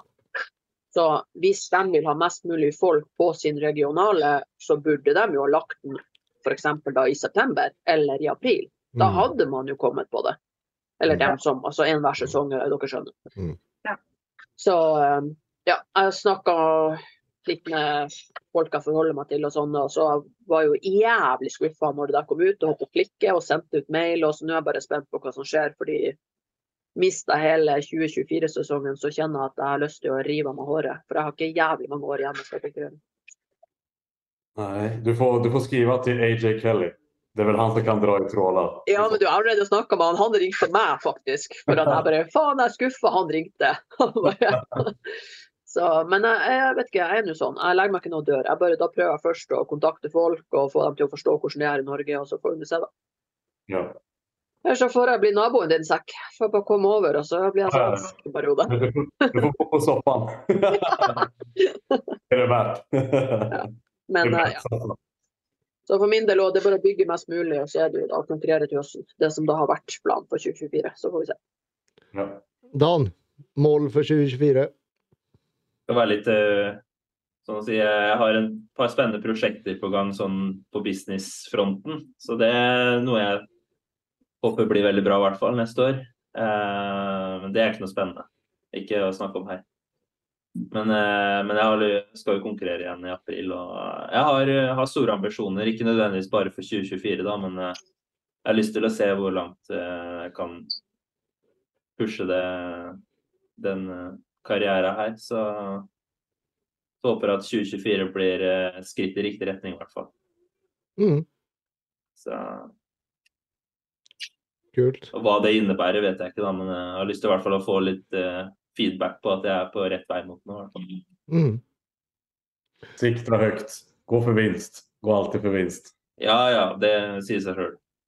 Men, uh, men det viktigste for meg er liksom at jeg trenger ikke å være der i år eller i 2024, men at dere ser at det er realistisk, og at jeg ser at det, det, progresjonen er der den bør være da, for å komme dit.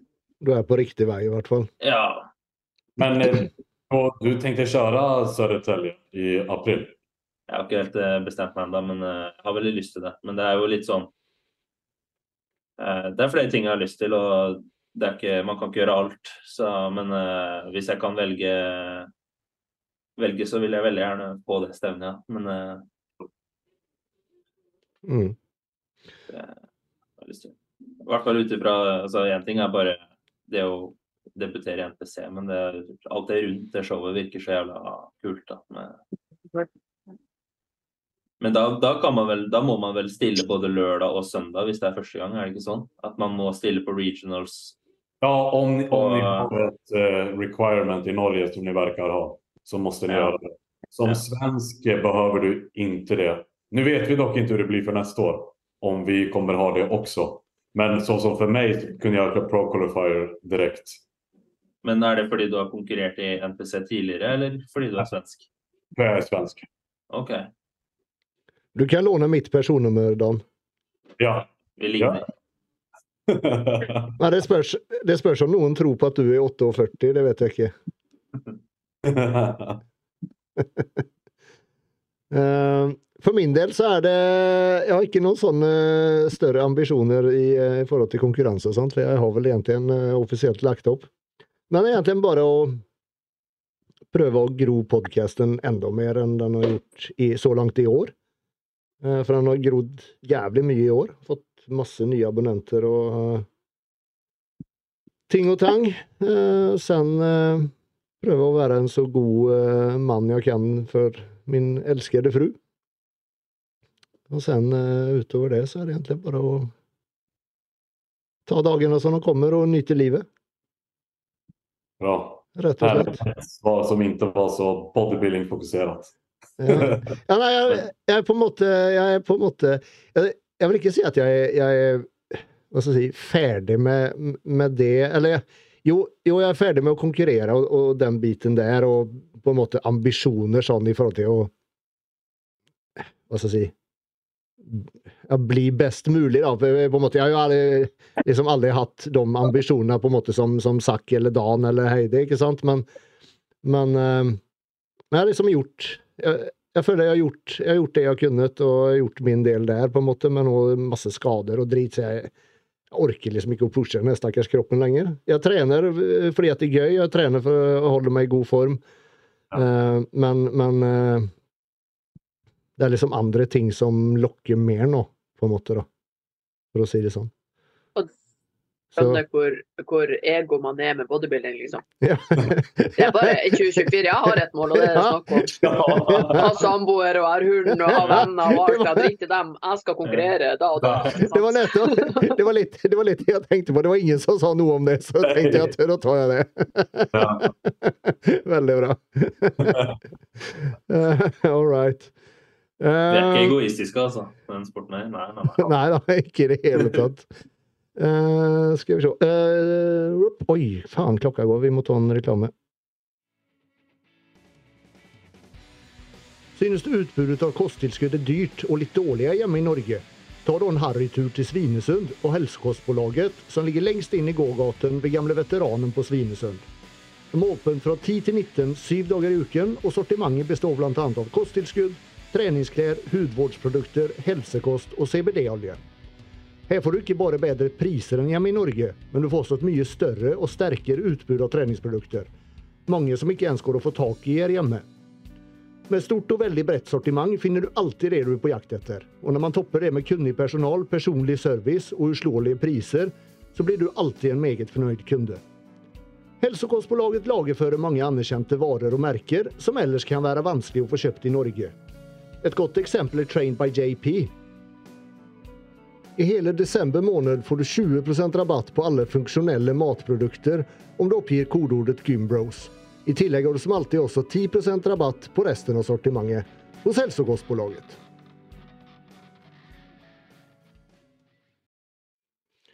All right. Eh,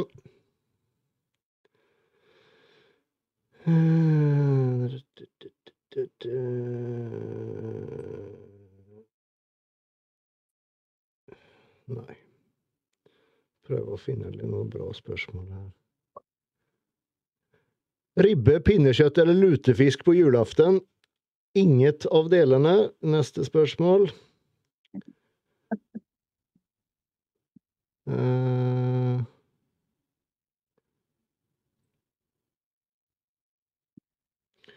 Noen eh, av Gymbros som har planer å reise til Olympia neste år? Jag. Dag. Metoo. Begge, begge dere skal på Arnold, og, dere skal på Olympia. Ja. Har du vært på Olympia før, eh, Zack? Nei, og det, på tal om mål, det var faktisk et mål jeg hadde nu innenfor neste år, å resa mer og gjøre litt altså, mer content utomlands og sånt også. Mm. Treffe likesinnede mennesker verden rundt om. Så jeg har planerat ganska många resor nästa år, Så jag skulle vilja göra lite mer sånt. Kult. Ja, Jeg gleder deg. Olympia er, eh, det er en opplevelse. Det er en Ja, det är opplevelse. Ja, Det är är en-. Det er, det er en opplevelse, jag kan tänka mig det. Och vi, vi, då blir det att vi åker dit med gas och då bor ju alla i samma så här, stort uh, mansion typ. Det med gas. Branch og Guy og hele, Ja, alle, alle gutta. Kult. Ja. Faen, så gøy. Mm. Ja, Heidi, du skal dit også? Du har vært der, du har vært der før, ikke sant? Ja. Men det er mange år siden. Men uh, Hvilket år var du der? 2009 tror jeg. 2009, da var det Jay Ja, det var da Jay gjorde comeback, på en måte. Eller når han eh, slo Dexter. Når han tok tilbake fra Dexter. Det er mektig. Så det blir noen år siden sist, for å si det sånn. Ja. Jeg var der i 2004. Det er eh, faen meg nesten 20 år siden. Herregud. Um, hva synes dere om Sam Sulek? Jeg elsker Sam Sulek. Fordi Faen, han er jo Altså, alt det der Nei, jeg bare elsker alt med Sam Sulek. Han bare er seg sjøl. Og så dere nå når han var med han eh, Foad og dem i California? mm, Faen, det sto sånne unggutter og folk rundt hele bygninga og venta på ham. Han er så, altså, Er du klar over hvor mye penger han tjener bare på YouTube? Ja, ja, ja, det er helt sjukt. Det er jo helt sinnssykt. Mm. Nei, jeg bare elsker alt med han. Han er bare en sånn her herlig karakter. Men han, han er jo egentlig bare en helt normal fyr som på en måte Ja, men det er eksaktlig! Det er jo så jævlig bra. Han er egentlig en kropps, en kroppsbygger. ja. Og så hater han når alle sånne kommentarer er sånn her Å, 20 år og steroider, han kommer til å dø og ditt og datt. Og så er det sånn her, fy faen, har alle dere glemt hvordan eh, de beste i verden så ut når de var 20 år, eller? mm. Altså, det er ikke sånn. Det høres ut som at uh, han er den ene, og han er jo, og mange av de beste så mye bedre ut enn han da han var 20 år. Men det er det som gjør han så, også så jævlig hva skal jeg si, At han får så mange views som han får. Det er jo det at alle snakker drit om han. Absolutt Ja, ja, alle. han. Alle lager videoer om han, ikke sant? Han, han er smart. Det er han. Ja, ja, dritsmart. Han er skitsmart. Og eh, det er jo bare hatten av. Inte, visst, han har kjempebra fysikk, också, men ikke det utan liksom hvor stor han har lykkes bli. Og han tjener mer enn alle openbyggare i princip. Ja. Ja, ja, ja. gratulerer. Og så var det artig når eh, han eh, broren ble med på en sånn eh, ja, et eller annet reels eller noe. For de har jo klaget sånn på at han puster så tungt. Og alle bare steroids, steroids. Og så snakker broren helt likt. Ja. Det samme som pust, og han er en golfer. Han er, han er ikke, ikke steroider. Så det var så jævlig bra. Bare, OK, broren, broren snakker helt likt. Likes pust. Han, är, Han blev ju känd tack vare genom TikTok. Ja. TikTok-generasjonen. ja, det Er du på TikTok, Zack? Nei. Sunniva? Ja, det. Jeg jeg er for gammel til TikTok. Er det Jeg har aldri fanget av. Du vet, jeg sånn så ekte voksne de ser TikTok så de blir reposta på Instagram. Ja, Ja, exakt! Sånn jeg, det.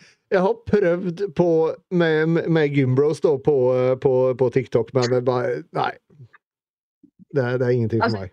Altså, TikTok er en annen algoritme i forhold til at du kan gå fra å være ingenting til å bli dritkjent på ingen tid. Ja. Men jeg tror også det krever at du nesten er altså Enten at du er sjukt smart i forhold til hvordan det fungerer, eller at du er vokst opp med at TikTok kom når du er der eh, 15-16 og bare har vært med fra start og Mm. vet hvordan ting fungerer der inne. Ja. Uh, Det er jo det han. Sam han poster jo så mye. Han er jo så flink. Han legger jo ut hele tida, sant. Ja. Ja. Og, og det er jo sikkert òg han er jo den generasjonen som uh, Han er jo vokst opp med det der, liksom. Ja, ja, ikke sant. Det som er med TikTok er at du kan jo poste liksom så mye, og så er det liksom, poster du noe som ikke slår an, så greit nok, da. Da ligger det der, og så tok det ikke av. Men så kanskje én av ti videoer tar av. Og så poster du nok sånne den ene av ti, da, så blir det mye til slutt. Mm. Mm. Så det er liksom, det premierer kanskje de som bare spammer ut og deler masse. Det, det, som regel så er det jo det som er drit-content som tar av.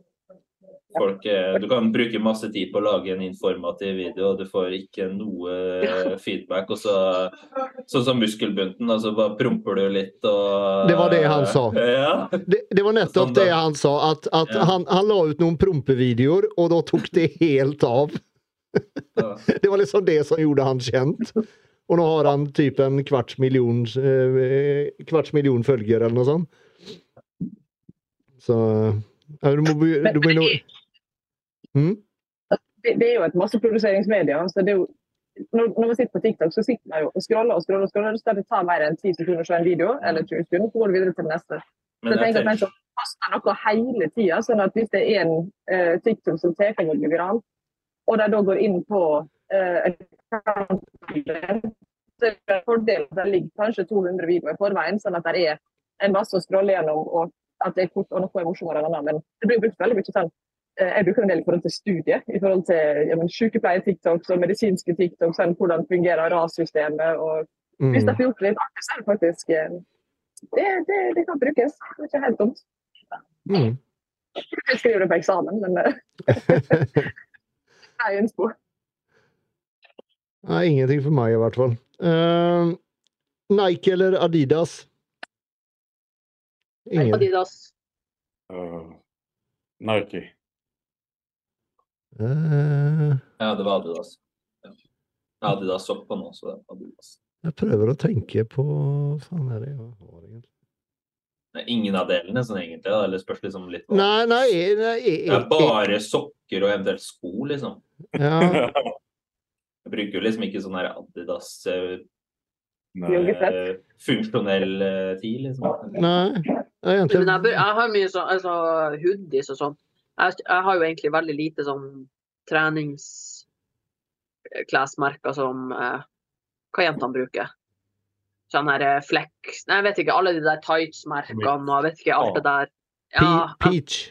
ja alt det der. Uh, mens jeg har jo mer sånn ja, at jeg kan kjøpe Adidas, eh, svære Adidas hoodies og ja, liksom Ja, jeg sier Nike på grund av Jordans. ja, Ja. sånt. Har dere sett den filmen, forresten? Jordan? Ja, Den var faktisk jævlig bra. Riktig bra. Ja, jeg likte den veldig godt. Mm. Uh, jeg vet ikke faen om jeg ens har noen Nike eller Adidas-klær. Jeg har ikke peiling. Jeg har bare Tjokkfaktor-klær. Uh, uh, det, det, det. Ha, nei.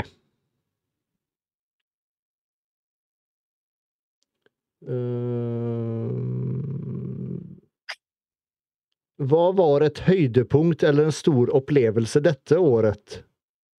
Zack? ja, jeg har tatt den mange ganger. det eh, var vel eh, ja, proffskort i Södertälje.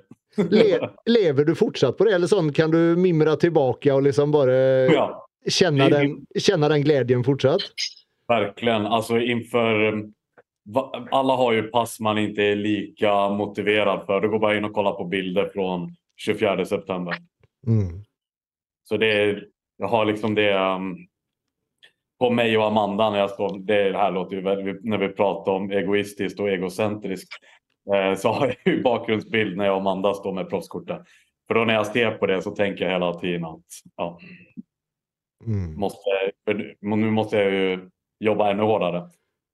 Exakt, exakt. Det, det är bara en viss procent. Det var ju så kul för Callum la ut det där med att det är typ 0,5 procent av alla som tävlar som uppnår ett proffskort. Men det är ju, 0,5 procent? ja, Oh my god. eh, av alla registrerade atleter typ. Å, fy fan. är det 0,5. Och det är ju ännu färre som gör bra ifrån sig som proffs tänker jag. Så att då måste man nu måste ju steppa upp. Exakt, exakt. Ja. Yes. Det, är, det är ungefär 200 till 250 000 registrerade atleter varje år. mm. ungefär. Fy faen. En ting, en ting jeg tenkte på som jeg, jeg har lyst til å spørre deg. Da når du tok proffkortet, ikke sant? Um, var det flere hva skal jeg si, dører som ble åpnet for deg med tanke på sponsorer og sånne Ja. ting? Jeg har lønn just nu. Ah, har jeg ikke hatt innan. ikke sant. Hvem du sa du hadde? Hvem du sa du hadde? Hva sa du? Hvem, hva, hva du sa at skjedde når du ble proff? Ja, At man liksom får nye sponsormuligheter med månedslønn og sånt. Ja, OK, skjønner. Så han, får, han har lønn nå, ikke sant? Ja, det er jo dritbra. Ja, det- det, er jo det, det er jo det man vil. Det, det er faen ikke mange som har, altså, i denne Ja. sporten her. Eh, Sen, Ja, men nå er det enda høyere Du, nå er det enda høyere forventninger her. For du får lønn for å gjøre det her.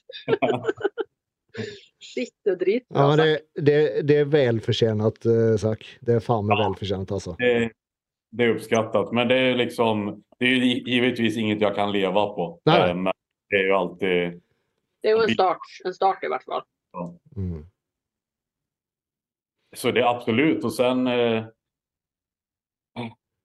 sen så tror jag väl typ att som vi, som vi sa där med en start och skulle man kunna göra bra ifrån sig så kan man väl öppna upp ännu fler dörrar, tänker jag. Exakt, exakt. Kanske, alltså min stora dröm är ju verkligen eftersom jag behöver inte tjäna jättebra men bara kunna leva på det helt utan att göra någonting annat. Mm. Det hade varit en stor dröm. Hade du, hade du bott i Staterna så kunne du alldeles sikkert eh, levt av det nu. Ja, kanske, kanske. Det är ju så nischat här i Sverige, Norge. Ja. Det är ju... Men samtidigt så tänker jag också att i Amerika, England, Brasilien, där är det så många duktiga också. Alltså extremt duktiga. Så det Mm. känns som att där kan det också bli en, mer en i mängden, kanske. Om ni forstår hva jeg mener? Ja, ja, ja. ja. Jeg absolutt. Jeg husker jo bare når jeg bodde i USA og trente der på Golds, Ja. og bare de folkene, de guttene spesielt, som jeg så der hver dag, og noen hadde aldri konkurrert engang. Og de så jo bedre ut enn mange av dem jeg kjente hjemme som trener blodseriøst. Ja. Det er klart, det, er kanskje Mulighetene for å bli sponsa med penger og sånn er kanskje der, men samtidig, som du sier, Zack, det er jævlig mange flere om det beinet. Ja. ja. Det, som, det som du eventuelt kan tjene penger på, det er jo eget content. da. Det at du Ja, har en, ja. eh, en, en YouTuber, at du som Sam, ikke sant? at du skiller deg litt ut fra mengden eller et eller annet. At du gjør din egen greie. ikke sant? Ja. Det er jo der de store pengene blir, blir tjent, da. ja. for annars må du liksom være best i verden for å Ja. tjene tjäna pengar. i Ja. Det er en ting jeg har tenkt på. Det er jo samme som med sant? Om, om den hadde vært kjørt på, på, på engelsk. ikke sant? Det hadde, ja, ja. Når jo ut til så jævla mye mer mennesker, så mulighetene er jo så jævla mye større. ikke sant? Ja. Og det, og det er jo det liksom altså nu uh, når, når, man, når man da Nå har ikke jeg upplevt det än, men jeg vet, jeg har jo pratet med folk at de sier når de vel konkurrerer som proffs så blir jo også engagemanget høyere, og man får litt mer media exposure. For du kommer kanskje på litt større kanaler og det pratas om. Så der åpnes det jo flere dører. Men det er jo forutsatt at du inte kommer sist givetvis och gör, gör bra ifrån det. Ja, ja. Sunniva, jeg avbrøt deg eh, i stad. Nei, nei, vi skulle bare si i forhold til, til sektoren at den, eh, i forhold til å tjene penger på det, og med YouTube og med exposure og sånn, så, så er du jo likevel en, du er en karakter som, som man legger merke til, og som er veldig consistent, og som eh, er veldig flink til å gi tilbake til det communityet du allerede er ute hos. Eh, jeg kan huske det sånn, jeg tror jeg begynte å følge deg den gangen du laga podkast sammen med Niro i ja. Göteborg. Mm. Ja. Det var, en del år siden, så jeg har sett at så har du vært inne forbi eh, Markus og deg, og du har vært med Pulten og William, og nå er du her. og det er sånn, Men det er sånn, selv om man ikke kjenner hverandre eller har noe med hverandre å gjøre privat, sånn, eller møtes til, til temlinger her og der, så, så syns jeg likevel at det er sånn det ligger mye mulighet i, i den karakteren man er. da, og Der er du godt på vei i forhold til mange som, som kanskje har vært proffer i, i, Ja. i mange år.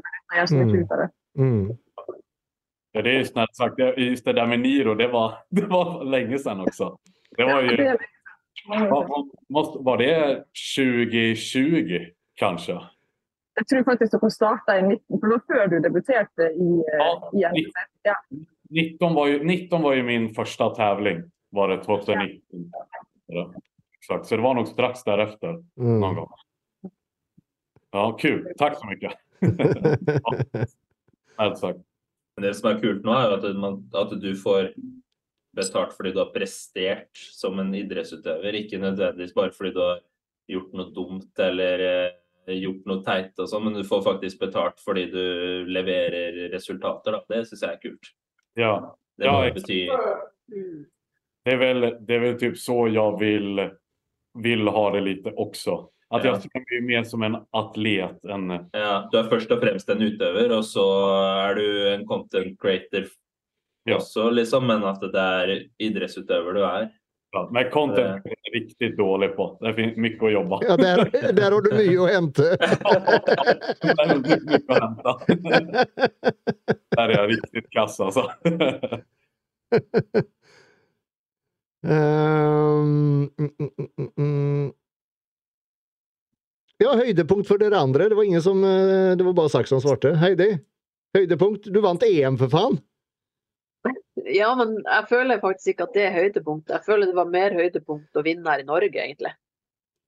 Men jeg tror det er bare pga. opplevelsen med hele den EM-turen. Det var ikke en bra opplevelse, liksom. Så det er ikke noe jeg ser tilbake på liksom er sånn åh, sånn som han Zack, liksom. Mens når jeg vant den Norway Classic, det er sånn jeg kan tenke tilbake på. Av god følelse og liksom shit. Eh, og jeg forsto jo hun som fikk andreplass på verdensmesterskapet, så det i seg sjøl er jo en god følelse inni meg, i hvert fall. Mm. Men eh, ja, EM var selvfølgelig dritstort og alt det der, men samtidig så er det en litt sånn uggen følelse av eh, EM inni meg. Så Fordi du bodde på rom med meg. Hva, hva, Dan? Dan, du var det beste med hele turen. Jeg er så glad at Dan var med. Fy faen. Det var, uff, ja, det var helt fantastisk å ha Dan bak der, altså. Men eh, ja, nei, så kanskje den eh, Og så var det jo masse venner av meg der på Norway Classic. Det var jo Ja, venner som aldri har sett meg konkurrere. De kom og, og heia og sånn, så det var veldig dritkoselig. Mm. Men det, det er som du sier, at um, det är allt. Det behöver inte vara vinsten i sig utan det är allt runt omkring som gör en verkligen. Nettopp. Nettopp. Så ja, som jeg sier, EM er liksom oh, mye sånn skurr rundt som var ikke bra. Mens Norway Classic er bare gode vibes og Ja. ja. Så jeg tror nok det er høydepunktet, faktisk. At det var et jævlig bra comeback, eh, selvfølgelig. Men eh, ja, kanskje det Norge var, var kulest. Det var det som var så kult i, i Södertälje sagt då når du tog proffkortet, eller bare når du, når du gikk på scenen. Det var liksom å bare høre hela publiken bare gikk helt bananas. Ja, Ja, Det var det, var, det, var, det var publiken som gjorde at jeg vann. Det, för de, de gav meg selvfølgelig. Ja, det, det- var, det var helt insane altså. Ja, det var, det var coolt. Det forventet jeg meg inte. Jag gick ut där liksom ganska nervös och sen när alla bara började skrika så var okej, det är bra. Fuck it, here we go. Ja. Sunniva, beste med 20, 2023, var det noe spesielt? 2023? Ja, men vi har en kjempefantastisk tur til eh, Södertälje i april. Um, jeg har hatt lyst til å være med på det showet siden de begynte å arrangere MTC i Sverige. Rett og slett for at de er så gode til å arrangere show. Um, men ellers litt på privat. der. Jeg bodde et stein i å finne ut av hva jeg vil. Og så har jeg starta opp på um, bacheloren i sykepleie, og så har jeg funnet ut at jeg er akseptert til å søke inn på medisin- og legestudiet. Så det blir eh, det er veldig mye med å få, um, få prøve på bodybuilding og skole, lekse og eksamen til å henge sammen, samtidig som man skal tjene penger nok til å få muligheter til å gjøre det man har lyst til. Så, Mm. Hver dag i seg sjøl. Jeg klarer alt jeg kan. Det er et høydepunkt. Ja. Ja, så kult. Da. jeg venter på, det er at jeg reiser hjem om ei uke. Og så får jeg se mamma, pappa og familien og feire jul hjemme i Norge med ja, de som betyr mest for meg. Ja. Mm. Dan? Eh, jeg har ikke konkurrert eller noe sånt, men jeg har jo hatt en del utøvere på scenen. og Blant annet fikk jeg være med til EM som landslagscoach. og Jeg har gjort mye som på en måte har forberedt meg og utvikla meg mot eh, det som skjer fremover. Så det flytta, pussa opp leilighet og ja. Mye mye eh, endringer i livet, men jeg tror eh, mye vekt på det også forhåpentligvis bygd et par kilo med muskler. og Ja, det, Det, er- det det har du i hvert fall. Det har vært gøy. Muskler liker vi. Ja. Vi liker muskler. Ja, vi liker muskler. Det er vel derfor, det er vel derfor vi sitter her, er det ikke det? Ja, Du, er du tyngst i denne här podden i alle fall. Det sier alltid noe. At man har tyngst her. Ja, du er tyngst. Ja, hvor tung er du, da? 107. Ja, da møtes vi snart, da. Håper Ja, det gjør vi. snart. Ja, men da skal... Jag tar den snart. Men da er jo Dan, Dan er jo på def, og Zack er på bulk. ja, men... Så, Tenk å gjøre han faen deprimert. liksom. Nei, men det, er- det er positivt, det, da. Det er positivt, det, da. ja, men når, du, ser, når du kan se på oss, så ser det ut som det er motsatt. Så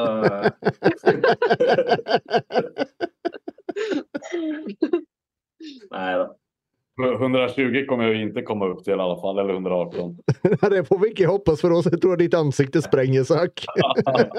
Då rull- Då rullar jag fram sen. Må sitte lenger unna kamera. På. Vi, vi pratade jo om, om hälsa og, och liksom blod, blodtrykk og grejer. Tur så ser det bra ut i alla fall. Ja, det er bra. Ja. Ja, Jag, sätter- jag sätter mig bara i ett mörkt rum annars så Ja, like lika bra. ja, jævlig bra. Eh, Du da, Andreas? Um, jeg klarer liksom ikke å komme på noe sånn egentlig spesifikt. Um, det er jo egentlig bare, bare 2023 var et jævla bra år. Uh, Podkasten liksom gikk bare spikrett oppover. Masse nye abonnenter og en del muligheter som åpner seg der. Um, jeg og fruen var på en jævla fin ferie. Um, det har egentlig bare vært et bra år, føler jeg. Men det er ikke noe sånn Hæ? Det er bare deilig når livet er så bra man ikke trenger Ja, ja, ja, ikke sant? Det har liksom ikke vært noen, noen greier i det, i det hele tatt. Det har bare vært bra. Bikkja lever og halter ikke lenger og Nei, det er eh, bare positivt. Rett og slett. Så det, det er liksom ikke noe spesifikt enkelt ting som var, vel, som var noe høydepunkt. Det var liksom bare Hele året var bare veldig bra, føler jeg. Så Så det. Um, vi ser hva er klokka. Jeg tenker vi tar ett spørsmål til her, i hvert fall. Uh, kan dere snakke litt om lavt stoffskifte? Det vil si uh, Ja, du vet hva stoffskifte er, Sak, ikke sant?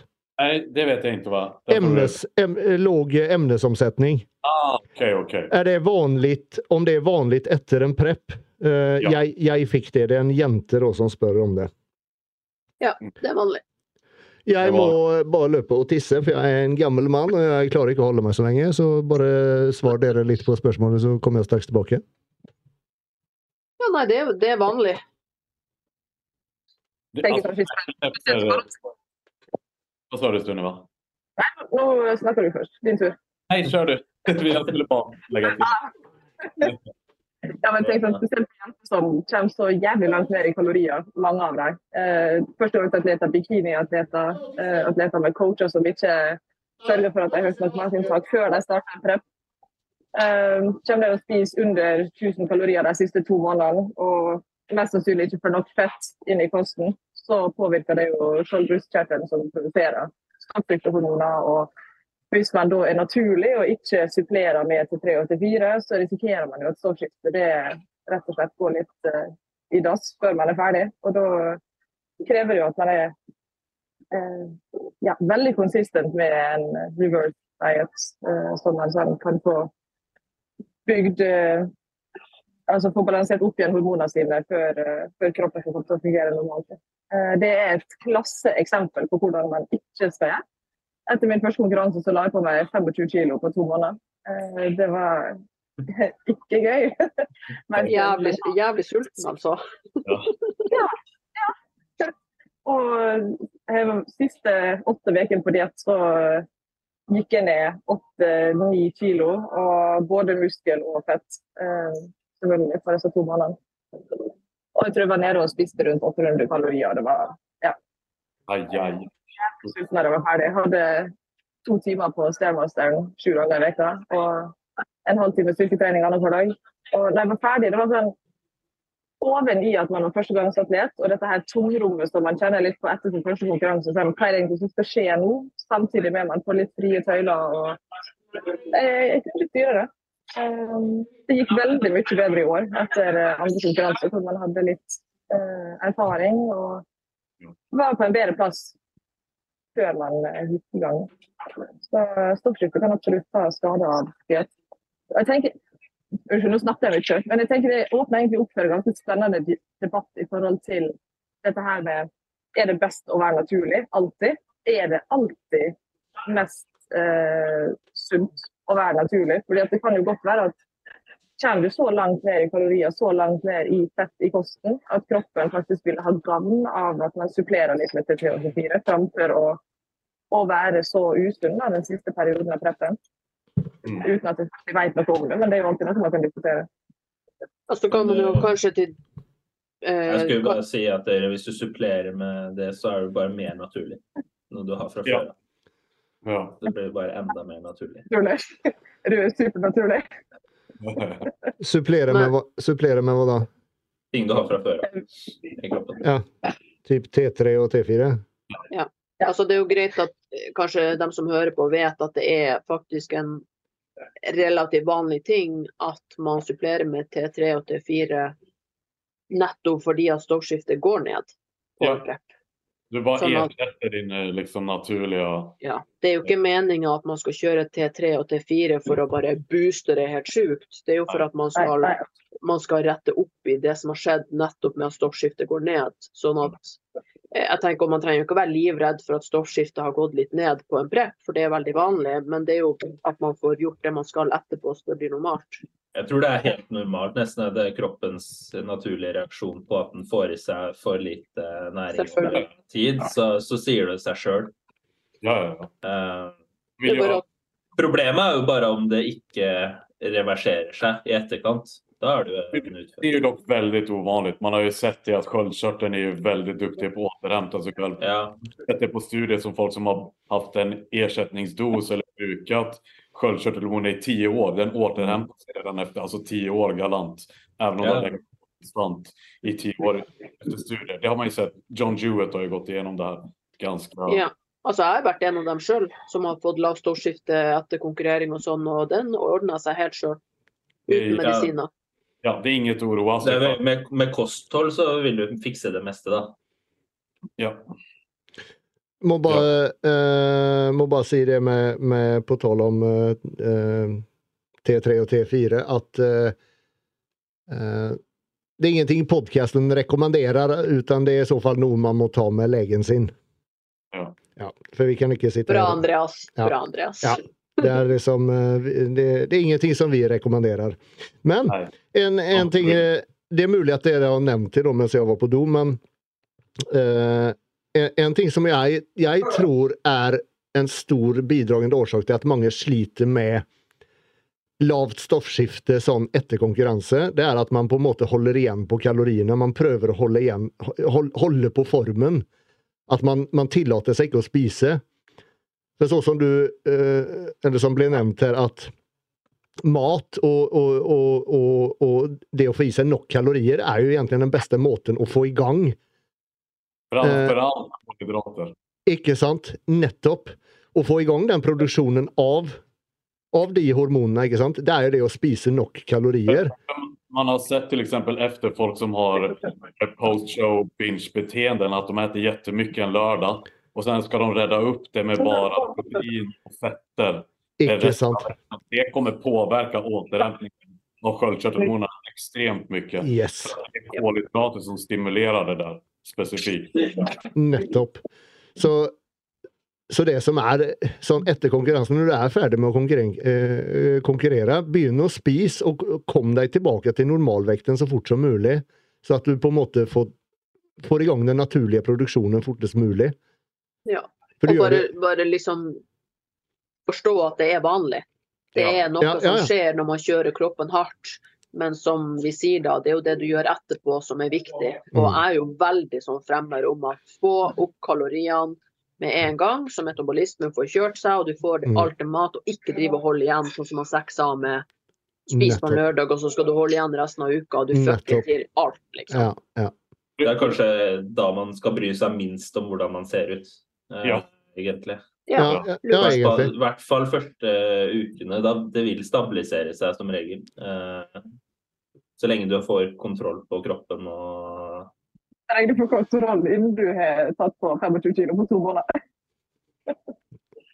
Men, men det er jo også det som Sunniva sa der, altså er man noen som behøver eller inte behöver, men det har blivit så att man gör en väldigt hård diet, man kommer på 1000 kalorier eller lägre, två timmars cardio. Det är ju väldigt mycket stress på kroppen och då där direkt efter, kroppen är ju så mottaglig till fettinlagring just där och då. Därför kan det vara smart som vi pratade om, göra en reverse diet och inte liksom bincha på helgerna och sen protein och fett utan man kastar in eh, kolhydrater. För protein brukar ändå inte komma ner så mycket under dieten. Men alltså öka mängden kolhydrater och fetter till en rimlig nivå. Och sen om det är någon som har kört två timmar cardio, sänk inte bara till noll minuter i veckan och Mm. öka maten massa. För då kommer ju fettinlagringen komma väldigt fort och då kan du påverka off-season långsiktigt. Så att säga. Så Mm, gör det liksom stegvis och eh, metodiskt. bra poeng. Jeg tenkte på en ting. Nå vet jo ikke hvem som har stilt eh, spørsmål om det. Eh, noen er jo veldig flinke på å tracke alt under en uh, diett og under en off-season. Men det er jo ganske mange, i hvert fall her, som forbinder nedsatt stoffskifte og at de ikke kan spise så mye, men ikke tenker over hvor mye de beveger seg utenfor treningsstudio, sånn med NEAT og daglig aktivitet. og Hvis du går 2000 skritt om dagen eller 1000 skritt om dagen, så kan det jo være en bidragende faktor til at du ikke kommer så høyt opp i mat før du begynner å legge på deg. Mm. Altså prøve å få en litt naturlig bevegelse utenom gymmen også, sånn at man uh, holder kroppen litt i gang. Jeg skjønner ikke hvordan det er mulig å gå, å gå bare 1000 eller 2000 skritt om dagen. Ja, går det? Altså, nå for tida med meg, så er det godt mulig at uh, vi hadde fått alle sjokk hvis jeg hadde hatt sånn skrittbelegg på meg. Ja, men du har jo hund, for faen! ja, men uh, hun, hun snur jo etter uh, Hun liker jo ikke å gå. Det er jo kaldt og jævlig, og hun, det er jo verste tida. Hun vil jo ikke gå ut engang. Herregud. Jeg går i hvert fall 10 000 skritt om dagen med bikkja. Med hunden. Ja, ja, i hvert fall. Mi, minst 10 000. Du kan ikke passe hos sylvis med andre ord. Hun hadde hata livet hos deg. I, i, eh, her i For så vidt, det, det var med jobb og sånn da, i går. For jeg har, eh, jeg har faktisk offisielt juleferie nå. Jeg, eh, jeg tok en ekstra lang dag på jobb i går, og Hugo er som eh, alltid med meg på jobb. Det vet jo du, Heide. Vi møttes jo i går. Um, og da sto i skrittelleren i går uh, sto på 16 000 skritt. Mm. Ja. gratulerer. Så er eh, Gratulerer. Men jeg føler, jeg, føler, jeg, føler ikke, jeg føler ikke jeg har gått mye da. Eller Men sånn jo, man burde jo, altså, når det er anbefalt 10 000 skritt, så er det egentlig minimalt. Altså for, for folk i dag så er det mye, men det er jo egentlig ikke det. Man burde jo Nei, jeg syns ikke det, altså. Nei. sånn, mye jobb man har, hvor mye altså, Eller ikke hvor i mengden, men typen jobb. Sånn, er du låst i en stol i tolv timer om dagen, eller har du et arbeid hvor du kan gå litt fram og tilbake, eller blir tvungen til å gå en del på jobb, så det er jo det også noe feil for å enda på. Ja. Jeg går jo en del i, i jobben nå, selvfølgelig, så det, det bidrar jo selvfølgelig. Så jeg går jo ikke alle skritt med bikkja, men, men, men det hjelper i hvert fall. Blir det ute under dagen, det er lettest om man behøver steg. Ja, uten tvil. All right. Uh, ja, uh, vi må Jeg har jo Skal vi se, skal jeg bare dele skjermen her. Vi må trekke en vinner på uh, lodde ut eh, to eh, T-skjorter og to eh, Eller to kepser i dag. Oh. Så vi må bare trekke en vinner, så vi gjør sånn. Eh, der Nei, sånn. Der. Skal vi se. Det er så stilig dette hjulet. Og dette er altså da Instagram-navnene. Orbek vinner en T-skjorte eller en caps. Og så tar vi neste mann eller dame.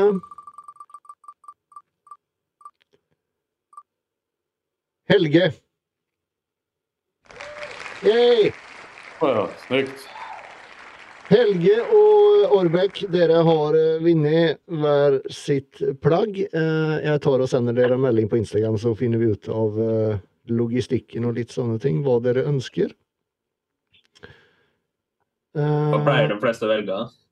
T-skjorte. Alle velger T-skjorte. Så um, Så det blir vel mest sannsynlig det. Uh, All right. Dette blir jo da siste episoden for i år. Eh, jeg har egentlig ikke satt noen dato for eh, oppstart etter nyåret, men jeg tenker eh, det blir jo første eller andre uke i januar som vi starter opp. Jeg tenker at det blir første. Typ den fjerde-femte, någonstans der. Så finner vi ut av det.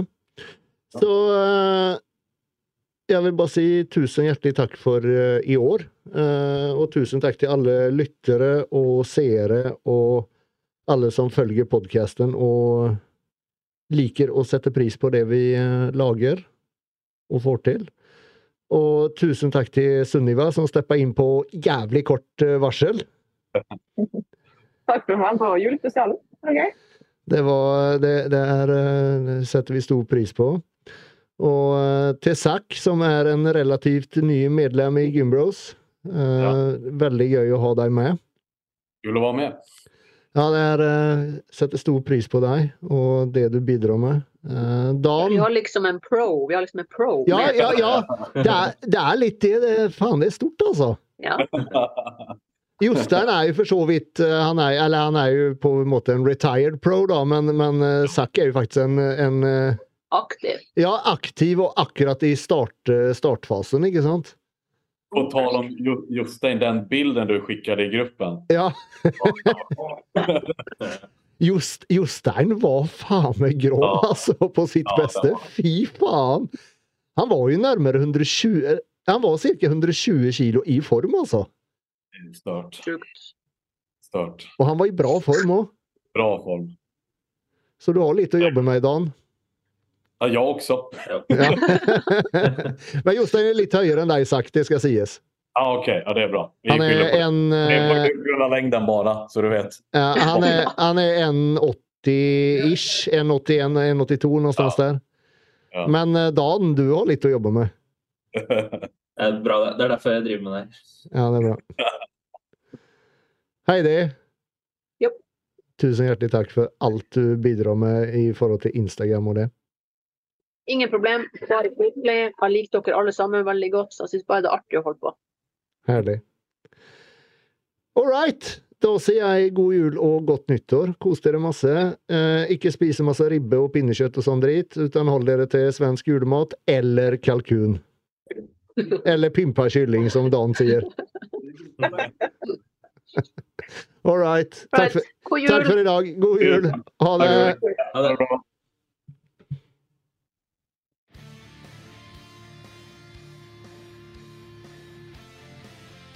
Plages du av gyno og sliter med å få dekket operasjon fra det offentlige? Da kan det lønne seg å dra til Storbritannia og Signature Clinic for å få det fikset. Klinikkene som finnes i flere av de store byene, har noen av landets beste kirurger, og det var hit som James Hollingshead valgte å gå når han trengte å få fikset sin gyno. Med koden GBP100 får du 100 pund i rabatt hos Signature Clinic. Link finner du i beskrivelsen av episoden.